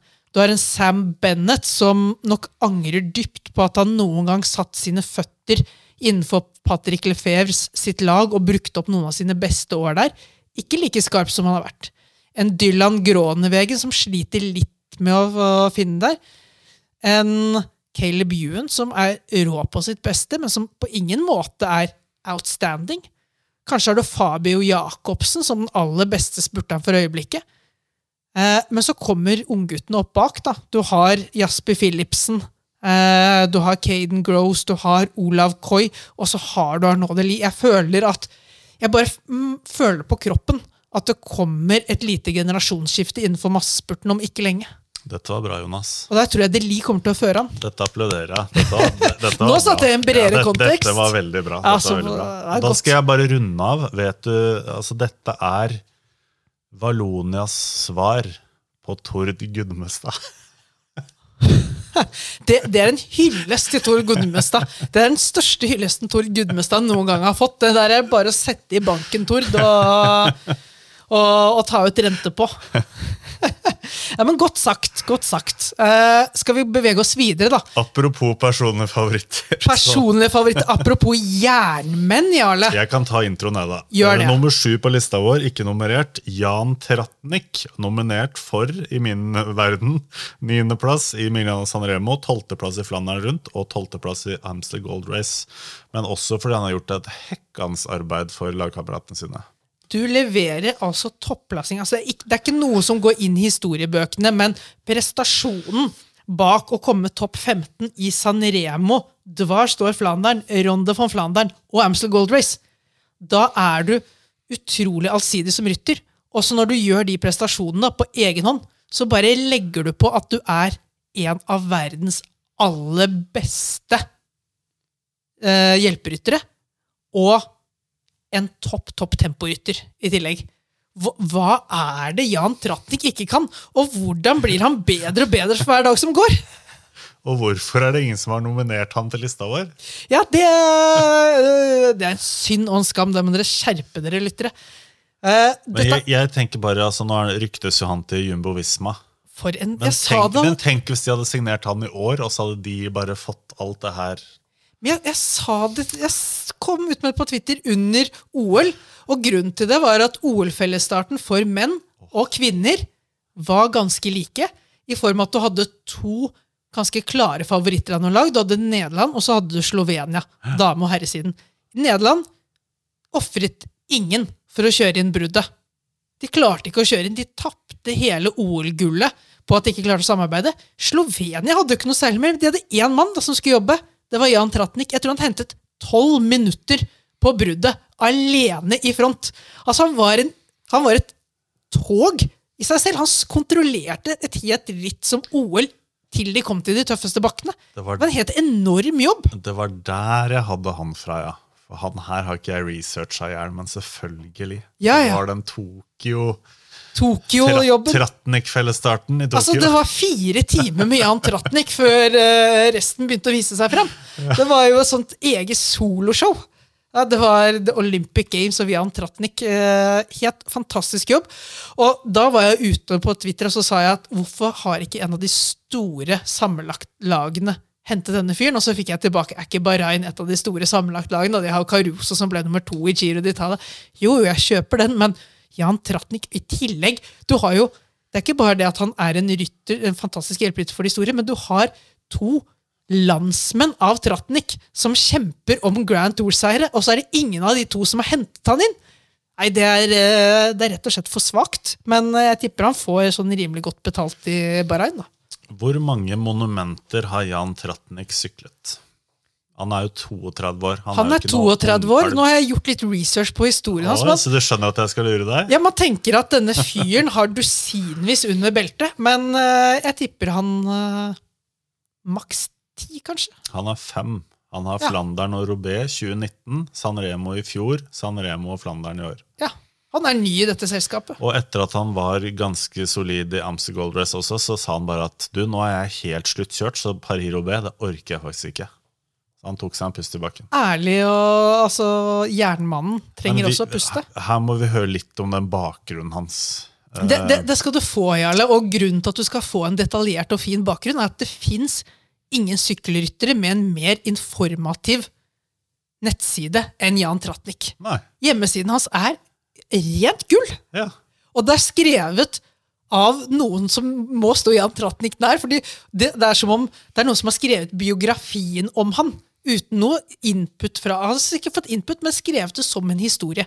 Men han dro jo til Quickstep Ja. i 2011 og har hatt en fantastisk karriere derfra i de største lagene i den måte. internasjonale sykkelverdenen. På ingen måte. Han har spist kaviar og drukket Nei, nei, nei, champagne nei. hver eneste dag siden. Det er så langt unna sannheten det kommer, Jarle. Dette her er basketballspilleren som ble dratt med av noen lokale sånne superamatører ut på sykkelen.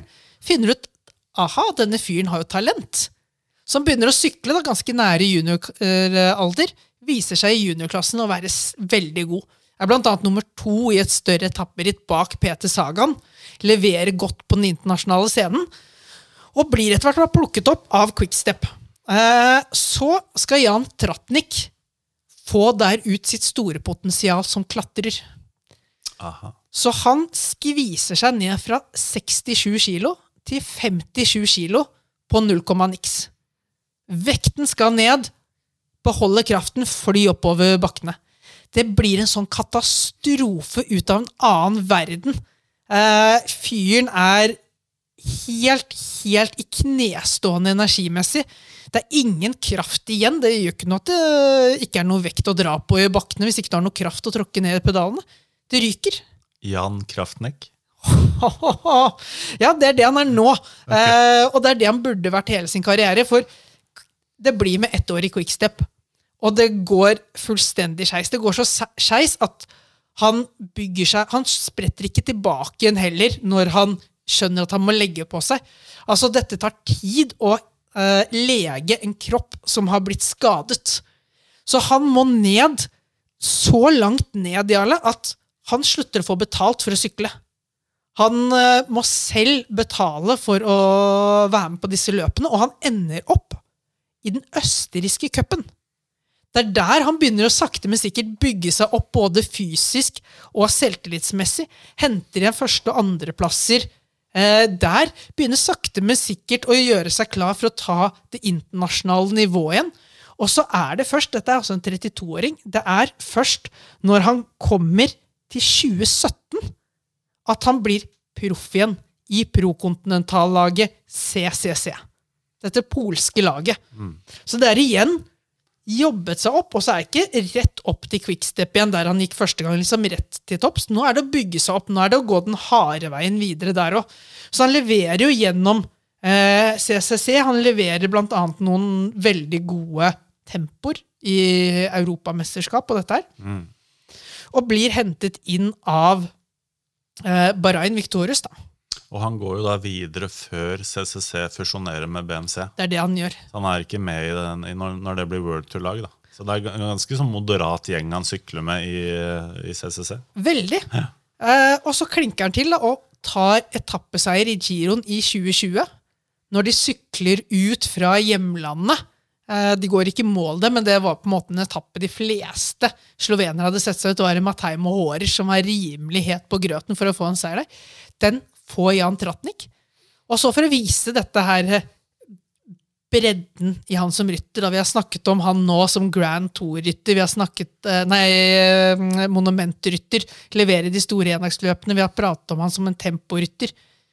Vi har snakket om hvordan han feilet med å skvise seg ned i vekt for å bli klatrer. Nå er han tilbake, sterkere enn noen gang. Blir nummer to på Monte Soncola-etappen i fjor. Og da har du bredden når du sykler deg inn topp ti i Milano San Remo, og så blir det nummer to opp Monte Soncola. For en rytter du er da. Jeg husker i min research i fjor, da jeg skulle vurdere sammenlagtfavorittene til Tour de France, Ja. så kom jeg over det slovenske tempomesterskapet. Hvor Jan Tratnik banka Tadej Pogacar med 34 sekunder på en 31,5 km lang tempoetappe. Da tenkte jeg litt sånn Pogacar, er han helt Er der litt han av form. være? Du brukte Tratnik som et svakhetstegn på formen til Pogacar. Og den feilen kommer du aldri til å gjøre igjen, Jarle. Nei, han har jo blitt slovensk eh, tempomester ved tre eller fire anledninger. Og toppni toppnivået hans på tempo er skyhøyt. Eh, og han har jo da jobbet seg opp en robusthet, og dette er jo en fyr som åpenbart har slåss for alt han har fått til. Han fikk en nedtur, ikke bare som ungdom, men den varte jo godt inn i 20-årene. Han var jo mot slutten av 20-årene før karrieren virkelig begynte å bygge seg opp igjen. Så han har garantert tært på alt han har av sparepenger for å satse drømmen liksom, om å få det til. Han har bare stått på, jobbet steinhardt og blitt en robust og fantastisk sykkelrytter som tar nye nivåer hele tiden. Når vi er inne på Bahrain-laget, så tenker jeg at der kunne vi plukka ganske mange. Altså, er- Du har Matej Mohoric. Eh, Dylan Tøns har hatt en fantastisk eh, formutvikling i andre del av klassikeren her nå. Eh, Peyo Bilbao, den mannen etter Matei Mohori som du ikke har lyst til å sitte på hjul med nedover en eh, bratt utforbakke. I tillegg da til at Sonny Cobrelli dessverre er eh, på sidelinja i uoverskuelig framtid. Ja. eh, som, altså med den sesongen i fjor, da, hvor han var en av verdens beste syklister, er jo det en Og de skulle kjempeblå bare bygge videre rundt han. Ja. Fred Wright kommer inn og leverer fantastisk også. Barain Merida. Det bare plopper opp eh, gode ryttere. De forvalter talentene veldig godt der.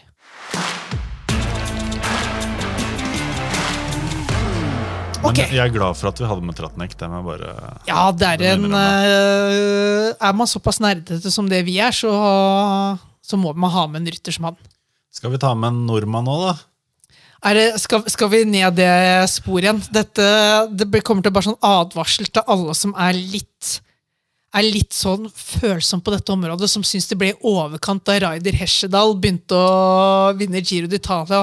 Man fant ut at han hadde en bestefar oppe i Gokk et eller annet sted i Norge. Snakker vi nå om Jonas Anders Lindstrøm, Ja, menigheten? ja, men, ja, men det blir bare Det kan bli for mye norsk av det gode.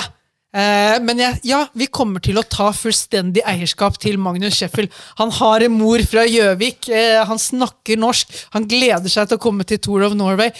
Jeg skal rette deg. Er. Mor er fra Lillehammer, men bor på Gjøvik. Er det sånn det er? Yes. Sånn der det er godt du har eh, lokalkunnskapen rundt Mjøsa der. Ja. Eh, jo, eh, dette her er i tillegg til å være en eh, norsk brakhistorie eh, av en amerikaner. Eh, vi må, Fra New York. Ja. Og da snakker vi vel staten New York, gjør vi ikke det? Staten Island, New York. Ja. Ja. Eh, og da eh, Dette her er litt en fortelling om hvordan man så fort går i glemmeboka når man ikke skulle gjort det. Hvordan resultater er ferskvare i idretten. For dette her er en rytter som var ellevilt god som førsteårs junior. Eh, han kom jo inn Han hadde sitt første år som junior, samtidig som Quinn Simmons hadde sitt andre år. Quinn Simmons var den beste rytteren i verden eh, på juniorsiden eh, dette året her. Eh, dominerte, herjet. Og så hadde Magnus Sheffield som ung, unge fyren da, i dette to spannet, som bare hang, ikke bare hang seg på, man gjorde mye av grovarbeidet for Queen Simmons også. Og etter å liksom ha gjort grovarbeidet, satt opp Simmons for soloseiere, så dro med seg andre tredjeplasser. Han tok noen seire når Simmons ikke vant. og Han var bare et monster av en rytter som førsteårs junior, og som bare kulminerte med VM i Yorkshire, da, hvor Quinn Simmons går solo og vinner med 56 sekunder på Alessio Martinelli. Og hvem blir nummer tre? Etter å ha jobbet og slitt for Simmons, satt han opp til dette her. Magnus Sheffield. Og etter det så gikk vel han rett til Ineos, gjør han ikke det? Naturlig nok. På ingen måte. Det som skjedde da, var at han fikk andre junioråret sitt ødelagt av korona. Jeg bare jeg prøver å se for meg hvor bra det andre året som junior hadde vært. Altså, han hadde kommet inn der eh, Møtt god motstand i det som da ville vært førsteårsjunioren i P. Strand Hagenes, Romain Gregoire, Sian Oitebrooks etc. Men han hadde virkelig Du hadde Remco Hevnepol, så hadde du Quinn Simmons som kom etterpå. Magnus Sheffield hadde vært nestemann på rekka over å herje i juniorklassen. Hvis det hadde blitt kjørt ritt i, eh, på juniornivå i 2020. Det skal sies da, Jeg er helt enig at mesteparten ble ødelagt i 2020, men på høsten der så begynte han å kjøre en del cyclocross. Og Ja. altså det var, altså han, han vant en fem-seks eh, løp og var sikkert én eller to i ti stykker utpå høsten der. Så de som eh, var så uheldige og var i den klassen fra før av, de fikk i hvert fall høsten totalt spolert av Magnus Schøffel. Men det er jo selvfølgelig peanuts i den store sammenhengen. Det er peanuts i den store sammenhengen, og det gjør jo at fyren ikke går direkte fra juniorklassen til et storlag. Altså, nå må vi, liksom, nå må vi bare ta med oss dimensjonen. Han går uansett til et pro Conti-lag. Rally Cycling var vel pro Conti i 2021. Det er det vi kjenner som Human Healthcare. Eh, laget hvor vi har Christian Aasvold eh, og eh, August Jensen i år. Ja. Eh, så det er ikke et dårlig lag, det er et godt program, men det blir ikke helt klaff der. Vi, det, er vel, det er vanskelig å finne ut hva som egentlig går gærent, men han klager litt over at han ikke får de mulighetene han hadde sett for seg. og det går bare litt i stå. Det supertalentet Magnus Sheffield eh, opererer bare i skyggen. Liksom. Det er ingenting å bite seg merke i fra hans 2021-sesong. Jeg tror det går litt på skral økonomi, eh, Ja. og at de ikke drar ut på de rittene de har lovet. Det er en organisasjon som i utgangspunktet holder seg i USA. da. Og de, det er Så- så han- sikkert han- skadelidende fra korona Ja, der og også. Han føler at liksom 2020 var ille, men det fortsetter litt. Altså Han får ikke de sjansene han uh, trenger, og er litt sånn av og på innimellom Europa, men sykler ikke mye. da. Altså han... Uh, jeg vet ikke hvor mange ritt han hadde for dem, men det var ikke så veldig mye. Og så finner han faktisk ut at han, eh, han slutter, han. Han sier opp avtalen sin ute i august Ja. og er uh, frilans, på en måte. Hvem er det han uh, ringer til, da? Vet du det? Jeg ringer sikkert til sin mor da, på Lillehammer. Hello, this is uh, Magnus Sheffield. Da plukker han opp telefonen, og så ringer han Inios-kontakten, som han har hatt løpende dialog med helt siden Yorkshire-VM som førsteårsjunior. Dario David, og så er jeg usikker på om det er Kioni eller Chioni. Eh, gam, uh, tidligere Ineos-rytter, tidligere storrytter, italiensk, eh, som jo, fortsatt jobber i Ineos-systemet. Da. Vi har vært inne på hvordan Ben Turner kom under vingene til Ian Standard og ble sluset videre til, uh, inn til eh, Ineos-laget. Her har du Magnus Sheffield. Han er, jobb, sykler cyclocross. Han sykler bane. hvor han gjør det veldig bra. Og landevei. Og her har jo inni spesielt bane. Kombinasjonen bane og landevei er jo noe som på en måte ligger i blodet, i kulturen til Ineos. Eh, så Daru David Kioni sier at her har vi fulgt denne rytteren. Vi har hatt jevnlig kontakt med han siden VM i 2019. Og så viser det seg her på høsten 2021 så går dette fra å være en liksom langsiktig perspektiv med noen vi holder øye med og holder kontakt med, til å åpne seg en mulighet, og de signerer han på flekken. De kaster ikke bort tiden. Dette er en rytter vi skal ha. Eh, samme søren hva som har skjedd borte i dette pro content-laget. Det har ikke funket. Vet du hva? Det er ikke noen varsellamper eller noen ting. Dette her er en rytter med kvaliteter og talent som er så åpenbar for oss at vi henter den inn. Og det første vi ser han i år, eller i hvert fall når man virkelig merker seg Magnus Scheffel, det er selvfølgelig når han vinner en etappe under Ruta del Sol. Det som er litt fascinerende der, altså der sitter jo også uh, oss, holdt jeg på å si Sky, oss sitter jo veldig overtall. Og så går det en velt. Eddie Dunbar og uh, Rodriguez går ned for Ineos. Og det blir sånn hektisk og sånn opptelling i feltet.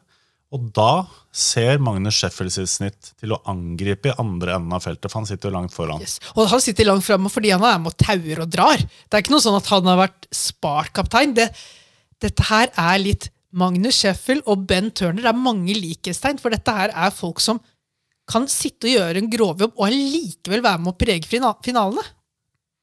Det, det er enormt. Fyren Fyr, Altså, nå, i dag, sitter vi og skriver 20. april. I går så kom han ut av tenårene. I går ble han 20 år. Altså, så, det her har vært så uhørt i sykkelsporten tidligere at 19-20-åringer ikke bare Altså, de fungerer som hjelperytter og vinnerkandidat samtidig. De gjør grovjobben og avslutter det på egen hånd i tillegg. Er, de sitter ikke bare på hjul, de har ikke en siste punch. Nei, det er så utrolig. Det er det samme som skjer i Brabantis pil. Ja, det er jo akkurat samme måte. Han sliter seg ut i en frontgruppe, inn i oss havner i overtall, og så er han sterkest av de inni oss-rytterne der og utnytter eh, overtallet og sin enorme fysikk til å gå solo og ta en enorm seier.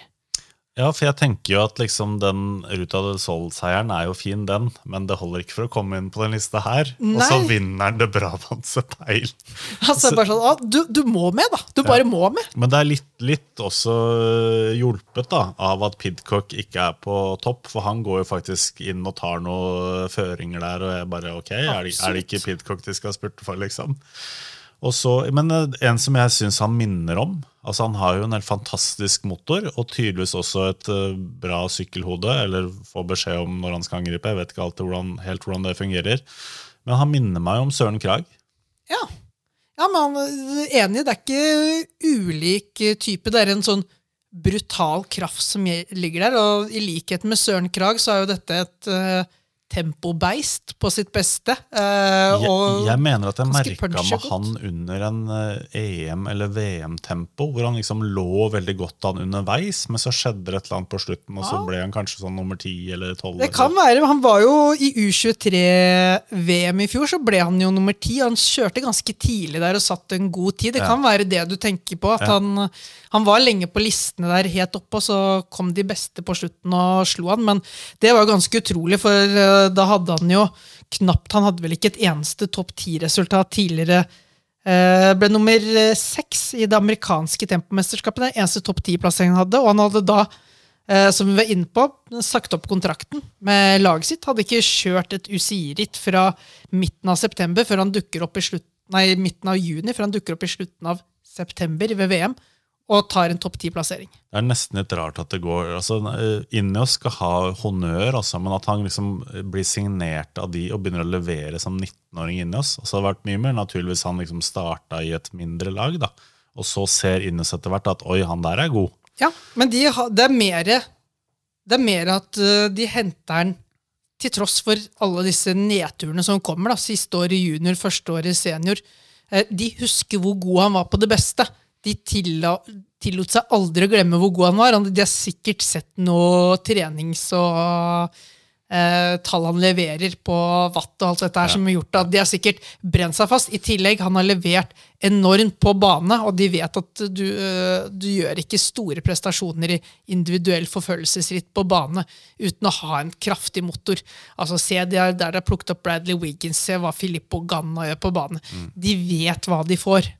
Eh, og de har, for en gangs skyld, så har Ineos forvaltet talentgull og fått de til å blomstre med en eneste gang. Det har ikke skjedd så ofte historisk, så stor, stor kudos til Ineos for det de har gjort. Den gruppa de har satt sammen, og måten de har senket skuldrene, senket forventningene til de, og fått ut et kollektiv på andre siden som eh, er det beste de noensinne har hatt i klassikeren. Nå har vi ikke flere fra inni oss. Nå er vi, nå er vi ferdig i Ineos, og, og da har vi hoppet over en uh, fyr som Carlos Rodriguez. Vi kunne hatt med enda flere fra Ineos også. Vi Eh, hadde, jo, vi hadde jo tatt med Carlos Rodriguez hvis ikke Magnus Scheffel hadde vunnet det Brabantse Han uh, tok plassen hans, rett og slett. Skal vi tilbake igjen til uh, en av dine. Er- favoritter, da? Ja. Ja, og, det, og, og også litt sånn god rytter i ny drakt, hvis vi skal si det. For eh, Christophe Laporte, han har blitt Han er på et annet nivå enn han noen gang har vært. Han har vært god tidligere, men han var, sammen med Wout van Art, helt fram til Flandern rundt, den beste brosteinsrytteren i år. Det var jo en øyeåpner der i Paris-Nice. Da er det jo en eh, bakke på slutten av eh, etappen der, hvor van Hooydonk eh, tar en føring og er helt toast etterpå. Og så skal Christophe Laporte overta og trekke Egentlig så er det Roglic som skal trekkes der, og eller Wout, da. Ja, skal, han, liksom, han dra, skal dra med seg Wout van Aert og Primoz Roglic, og så på en måte se over bakketoppen. Så er tanken dra til, se over bakketoppen hvilken skade vi har gjort, og så ser vi om Wout og Laporte skal gå rundt, eller om eh, det på en måte ikke ble noe av. At de kjører av Fabio Jacobsen og Krønevegen, det er på en måte greit. Men de kjører av hele feltet, inkludert alle sammenlagte rytterne. Du har på Stybar en liten periode. Han må gi seg. Jeg lurer på om det er Søren Krag som ligger på hjul med det idet de gås til, og han Ja. bare eh, er et stoppskilt. Og så er det, når, når du ser når de er på toppen, da, og det bare er de tre igjen, og så kikker de seg litt over skulderen, så ser du at Pierre Latour han runder hjørnet som førstemann bak der. Ja. Men det, det er bare de tre igjen, og de, det blir jo denne fantastiske trippelseieren, da, hvor faktisk Laporte får etappeseieren. Og da Yes. tenker jeg litt sånn, ok, det var hyggelig gjort mot han. Det er det siste vi ser han i år. Altså, Kanskje ikke det, da, men altså Nei, men, men, men du, du tenkte ikke at eh, van Hooydunk Laporte-setupen er det som skulle dominere klassikerne som kom rett etterpå, heller. Og Tirspenot. Tirspenot kom jo da inn i det toget, på en måte bytte ut Roglish med Tirspenot. Eh, men det var det der som var så ekstremt effektivt i de første rittene for Jumbo Visma, fordi du gønna på med Wout van Aert. Eh, men selv de beste av de beste klarer ikke å parkere hele feltet hver gang de prøver. Så det var veldig nyttig da når du kommer opp der og du har en slitsom Kasper Askren som har hengt seg på, og du har et par andre da, fra andre lag, så har du pokker meg Laporte. da. Og da, da var det eh, Om vi snakker om at Injos har klart å komme i overtall på slutten av klassikersesongen, så var det jo eh, Jumbo Visma som kom i overtall i starten av klassikersesongen, og det handlet mye om at Laporte hadde tatt det steget. At han kunne følge eh, Wout van Aert, og det i Gent Wevelgem også fantastisk eh, god var han der, og eh, fly forbannet på seg selv som ikke klarte å klarte å slå Girmay på slutten der. Eh, men nei, det er bare en rytter som Det har liksom våknet et slags konkurransedyr i han. Når han bare nå omgås med de beste og kjører på lag med de beste, så har han bare tatt nivået eh, så fantastisk. Helt nydelig levert. Du har jo E3 Hardelbeke. Eh, Da minst. går jo han og Wout over Paterberg og går solo inn til mål. Den er, den er også amazing. Og så har amazing. du Gent Wevelgem, som du nevnte, og der har jeg feelingen av at van Ert drar til der, men han har egentlig ikke planer om å gå solo inn til mål, og så blir det sånn taktisk spill etter hvert, og det er en gruppe som sliter seg løs, og man venter egentlig at det skal bli henta inn. Det er jo den Girmay vinner fra til slutt, Ja. og der blir det litt mye armer og bein på Laporte, syns jeg. jeg synes ikke han, han lø Der får jo han sin sjanse, egentlig. Takk, Der får han takk, sin takk for sjanse. alt han har gjort. Jeg syns ikke han løser den så veldig godt, men ok. Det, Nei, han, han, han løser den ikke så godt. Samtidig så vi skal ikke legge Vi må også liksom sette mindset tilbake på den tiden. Da på det tidspunktet under E3 så hadde Jumbo Visma vært så overlegne. De hadde tatt denne trippelseieren i Paris-Nice, de hadde satt opp det hele eh, tidligere. De hadde dobbeltseieren i E3 to dager tidligere. Så alle så på dem, eh, og sånn sett så så følte nok Laporte litt at det tynget med en gang han ikke hadde en van Art å lene seg på lenger. Og der kan jeg være enig med deg at da løste han ikke det på beste mulige måte, men det er også forståelig at når han kommer i den posisjonen, alle ser litt ekstra på han, og han har egentlig kommet fra en tid i Coffeedis hvor det var litt sånn du er stjerna vår, men vi forventer samtidig ikke altfor mye. Bare vi prøver å plassere deg godt, og så gjør så godt du kan. Nå kommer du til et maskineri av et lag, og så skal du plutselig levere. Men ja, han hadde nok lyst til å kjøre de siste fem kilometerne i Gent Wevelgem om igjen. Jeg skal være den første til å innrømme at Jumbo Visma har fulgt med og analysert Christophe Laporte bedre enn jeg har gjort. Fordi han har egentlig et lite- gjennombrudd i fjor. Ja, Han blir nummer to bak Dylan van Baal i Dwars of Flanderen. Han blir nummer seks i Paris-Roubaix ja. og nummer elleve i Flandern rundt. Så han har egentlig gjennombruddssesongen sin der. Han har gjennombruddssesongen, samtidig som det, det, er, det er ikke sånn at det var en unison sykkelverden som gikk ut og hyllet Jumbo Visma da de signerte Lapport. Jeg tror veldig mange følte litt på at hm, hva er det de gjør? Dette er jo egentlig et av de beste Grand Tour-lagene. Og så skal det sies også det, alle, at jeg vet ikke hvor mye som lå i kortene på det tidspunktet. Eh, om Jumbo Visma hadde klare bilder av hva som kom til å skje framover i tid enn det vi hadde. Men denne signeringen av Laporte og sesongen Laporte har, henger jo også sammen med at de fikk inn Tish Benot på et senere tidspunkt, som brøt kontrakten med DSM. Hvis, hvis Jumbo Visma allerede var klar over det og tenkte ok, Tish Benot pluss Laporte, da har vi plutselig kjempegodt klassiklag, så er det genialt. Hvis de fikk han litt med på kjøpet, og det var en mulighet som åpenbarte seg etter at de først hadde fått inn Laporte, da hadde det kanskje vært en litt større risiko å hente Laporte, for Laporte og Eh, Wout i seg selv hadde kanskje ikke vært nok krutt, men legg på Tischbenot og en Nathan van Hooydonk da for å gjøre den jobben han gjør. Uff, dynamitt. Jeg synes vi skal Altså En ting som slår meg med Jumbo Visma, de har jo helt opplagt stålkontroll når det gjelder formtopping, eh, høydetrening, klargjøring av rytterne foran sesongen. Det er bold, her deles det inn i bolker. Eh, Ja. Altså ganske korte og klare bolker med, med tydelige formtopper, da, som du sier. Eh, Tish Benot, Wout van Ert og Christoffer Laporte har lada opp sammen på Teide. Ja. Og så er det noe med hvordan de styrer programmet til rytterne sine. Eh, Laporte sykla Kyrne, det var sesongdebuten hans i år. Og så er det Paris-Nice, Milano San Remo, E3, Gent Wevelgem, Flandern rundt, Amster Gold Race, Paris-Roubaix. Det er, bortsett fra kurdene, da, så er det kun World Tour Ritt.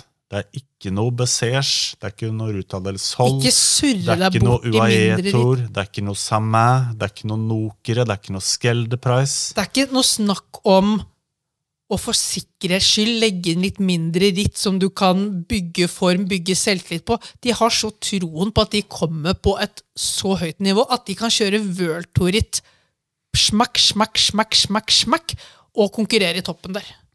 Og så har kanskje han funnet ut selv også at liksom massespurt og den biten her, det var ikke helt hans greie. Altså Han har sykla Tour de France sju ganger for Cofidis. Ja. Ikke tatt en eneste etappeseier. Han øh, var jo i brudd på etappe 19 i fjor. Den ene som Mohoric vant, øh, ble nummer to der. Eh, Så kan vi også nevne at Cofidis har ikke vunnet en etappe i Tour de France siden 2008. Det er- det er litt press på hans- Chavanel- Chavanel. Det er litt press på hans skuldre når, da han syklet der. Og det er litt sånn lett å fleipe med Cofidis, men altså, de har jo ting på gang. Det er ikke et dårlig sykkellag, Nei, men det. du kommer til et helt annet kollektiv i Jumbo Visma. Ja. Og jeg sitter bare jeg sitter og tenker eller om et par år, når Per Strand Hagenes er en del av den uh, gjengen der som skal ut og konkurrere i de rittene der. Jeg, jeg snakka jo med Rikard Plugge, som er liksom toppsjef uh, i eh, Belgia i forbindelse med Flandern rundt. Og Ja. han sa jo da liksom at vi har vunnet uh, Vi har blitt nummer to i Gent Wevelgem. Vi har vunnet uh, E3. Uh, nå var Wout syk da, foran uh, Flandern, Eh, men vi, vi, vi kan fortsatt bli det beste laget i årets klassikere. Nå gikk det jo ikke Altså Du kan diskutere om de var det beste eller ikke, men det var liksom forskjell på den tidlige fasen og til de siste rittene vi har sett, Ja. når Ineos har tatt den store, store slem. Men uh, altså de har jo egentlig naila årets uh, klassikere. Det vil jeg Altså, så absolutt si.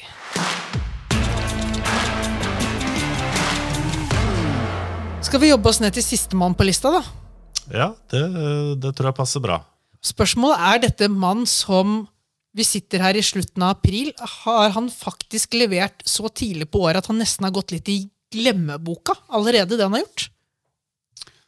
Ja, det, det, ble, altså, var ingen som nevnte han eller, tror jeg, når vi ba om innspill til denne lista. Nei, har ikke sett han i ritt siden Paris-Nice, men før det så leverte Brandon McNulty helt enestående. Eh, og én ting er antall seire du har, en annen ting, Jarle, er måten du vinner på. Og denne fyren har tre soloseire, og jeg tror ikke det er mange ryttere med tre seire eller mer i år som har en bedre eh, snittavstand ned til nummer to enn det Brandon McNulty har. Altså Han startet jo i Trofeo Calvia. Eh, gikk solo der. 1,17 vant han med. Ja. Eh, så går han bort og kjører eh, Faun Ardesh Classic. Eh, og det er ikke smågutter, det er typ liksom Sepp Koss, og du har vel med Vingegård her, og du har Andreas Krohn, Varen Bargill, Lennart Kemna etc. Vinner det rittet med 45 sekunder.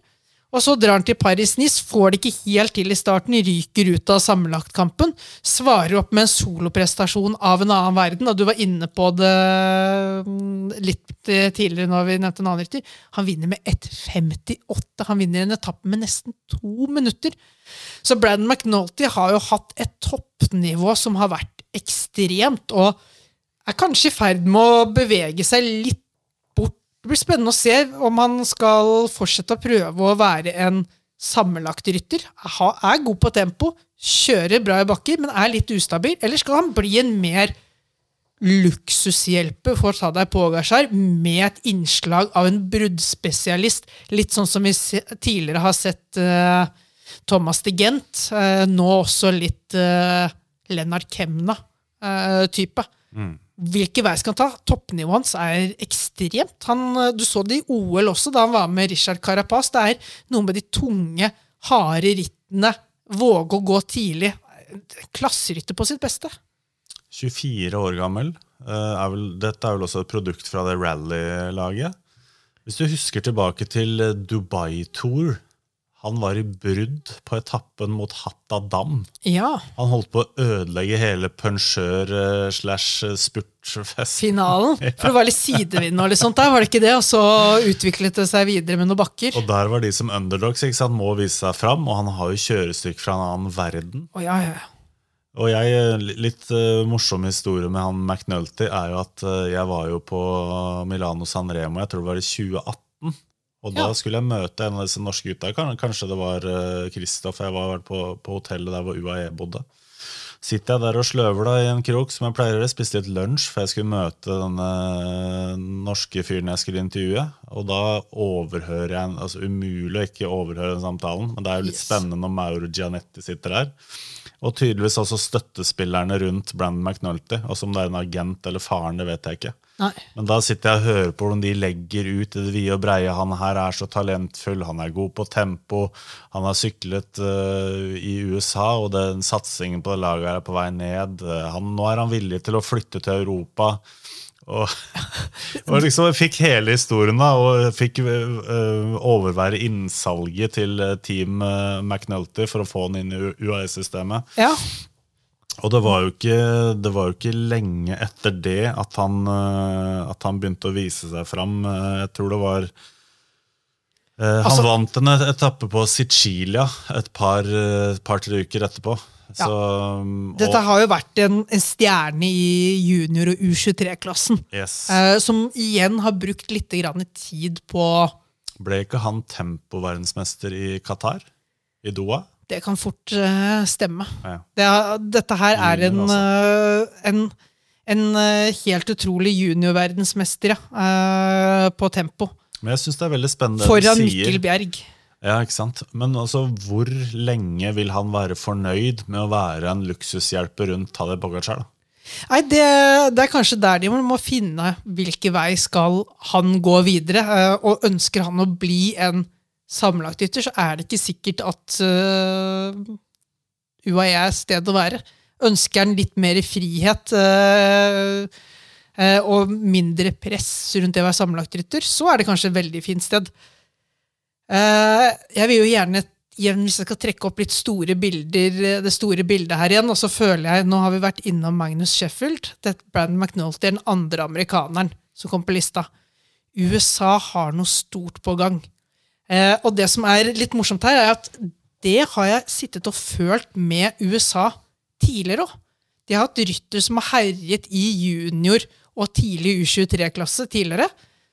Og så var det litt sånn som det var med Danmark for en del år siden. De herjet også i de yngre klassene, og så hadde de veldig mange år hvor rytteren deres slet med å ta internasjonalt nivå. Altså Rasmus Gullhammer er det ikke sikkert mange har hørt altfor mye om, men han var shit, liksom, av eh, talent på vei opp og fram en gang i tiden.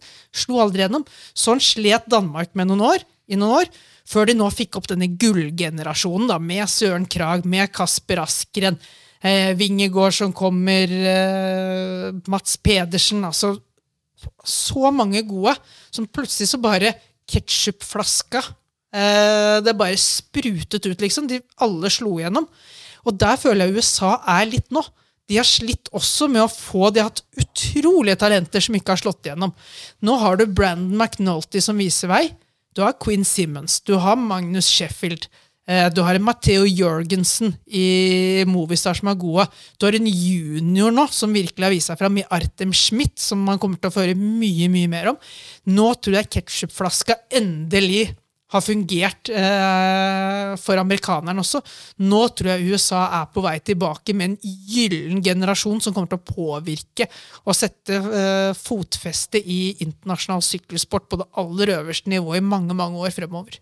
Ikke glem at Quinn Simmons er en klasserytter. Han En er upolert i, i, kantene. Noen vil si at han er ufordragelig. Eh, han er Trump-sympatisør, men altså, la det ligge. Han Ja. er en ung gutt. Som rytter han er så er han nydelig. Han er en superrytter.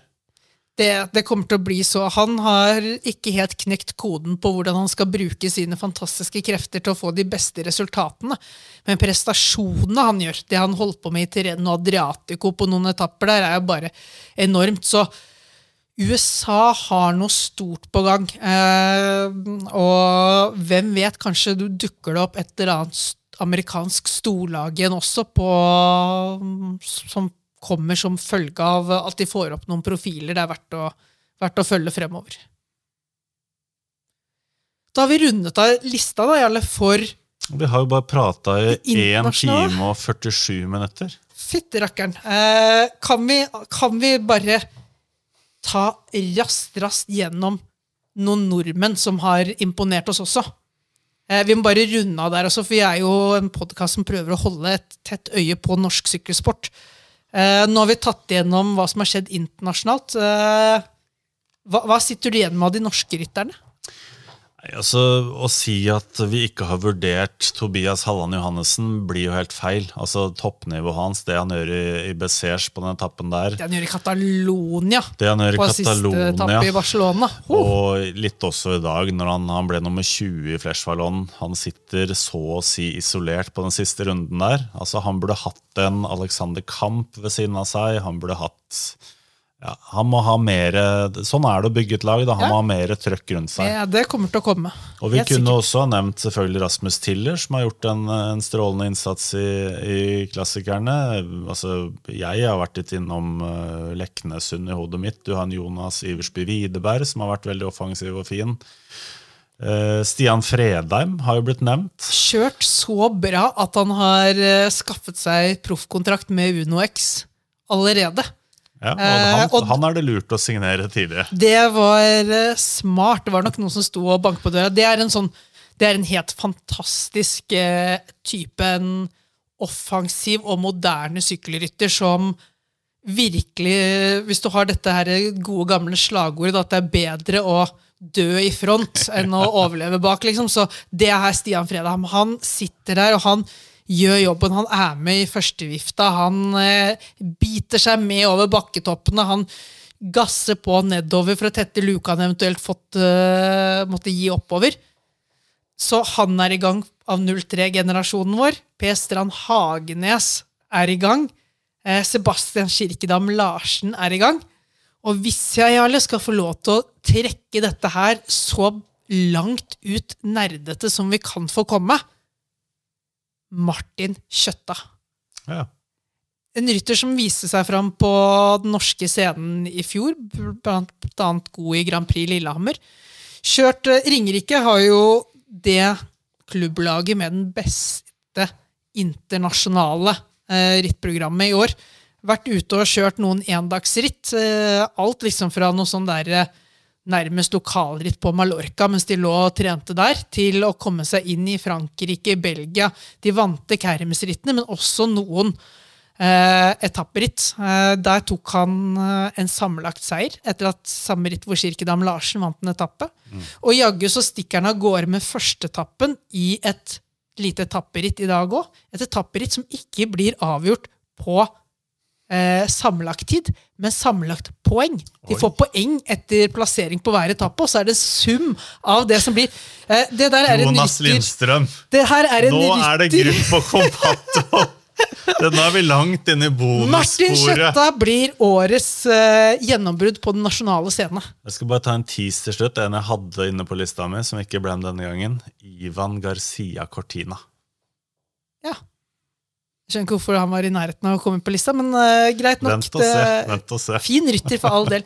Nei, men uh, Føler du vi har uh, oppsummert denne vårsesongen på en litt annerledes og ålreit måte, eller? Ja, nå må jeg snart ta en Johannes Støne Mitte. Så Nå, må- nå, nå er det på tide å runde av her. Eh. Men uh, du har jo lansert en liten konkurranse på Twitter. Jeg regner med at du nå etterpå trekker en vinner her og annonserer det på Twitter-siden vår. det skal jeg gjøre. Det er da en verdensmestertrøye som P. Strand Hagenes har brukt i ti minutter. Som skal til en av våre flinke, trofaste, sykkelkyndige lyttere. Og du er ganske god på å dra i gang konkurranse, Jarle, så jeg, jeg anbefaler våre lyttere å følge Gruppo Compato på Twitter. Eh, ta også og Plukke opp et eksemplar av Sykkelmagasinet når du er i gang. Det er de som sørger for at denne podkasten her kommer ut, og gjør godt arbeid. Du og de andre som skriver deg, Jarle. Så et hot tips for de som er interessert i gode sykkelhistorier gjennom året. Neste utgave kommer det et deilig portrettintervju som involverer Tobias og Alf Magne Foss. Nydelig. Og vi kommer tilbake igjen med en ny episode en eller annen gang. Vi har, jeg har noen gode ideer og planer eh, på gang. Eller Det skal bli, vi skal ha et avsnitt her som kommer til å bli helt nydelig. Jeg har det surrende å gå i hodet mitt. Jeg gleder meg. Gruppo Compato, da. Til neste gang. Ha det bra. Ha det godt. Gruppo Compato er en podkast fra Sykkelmagasinet. Denne podkasten ble produsert av Medievekst.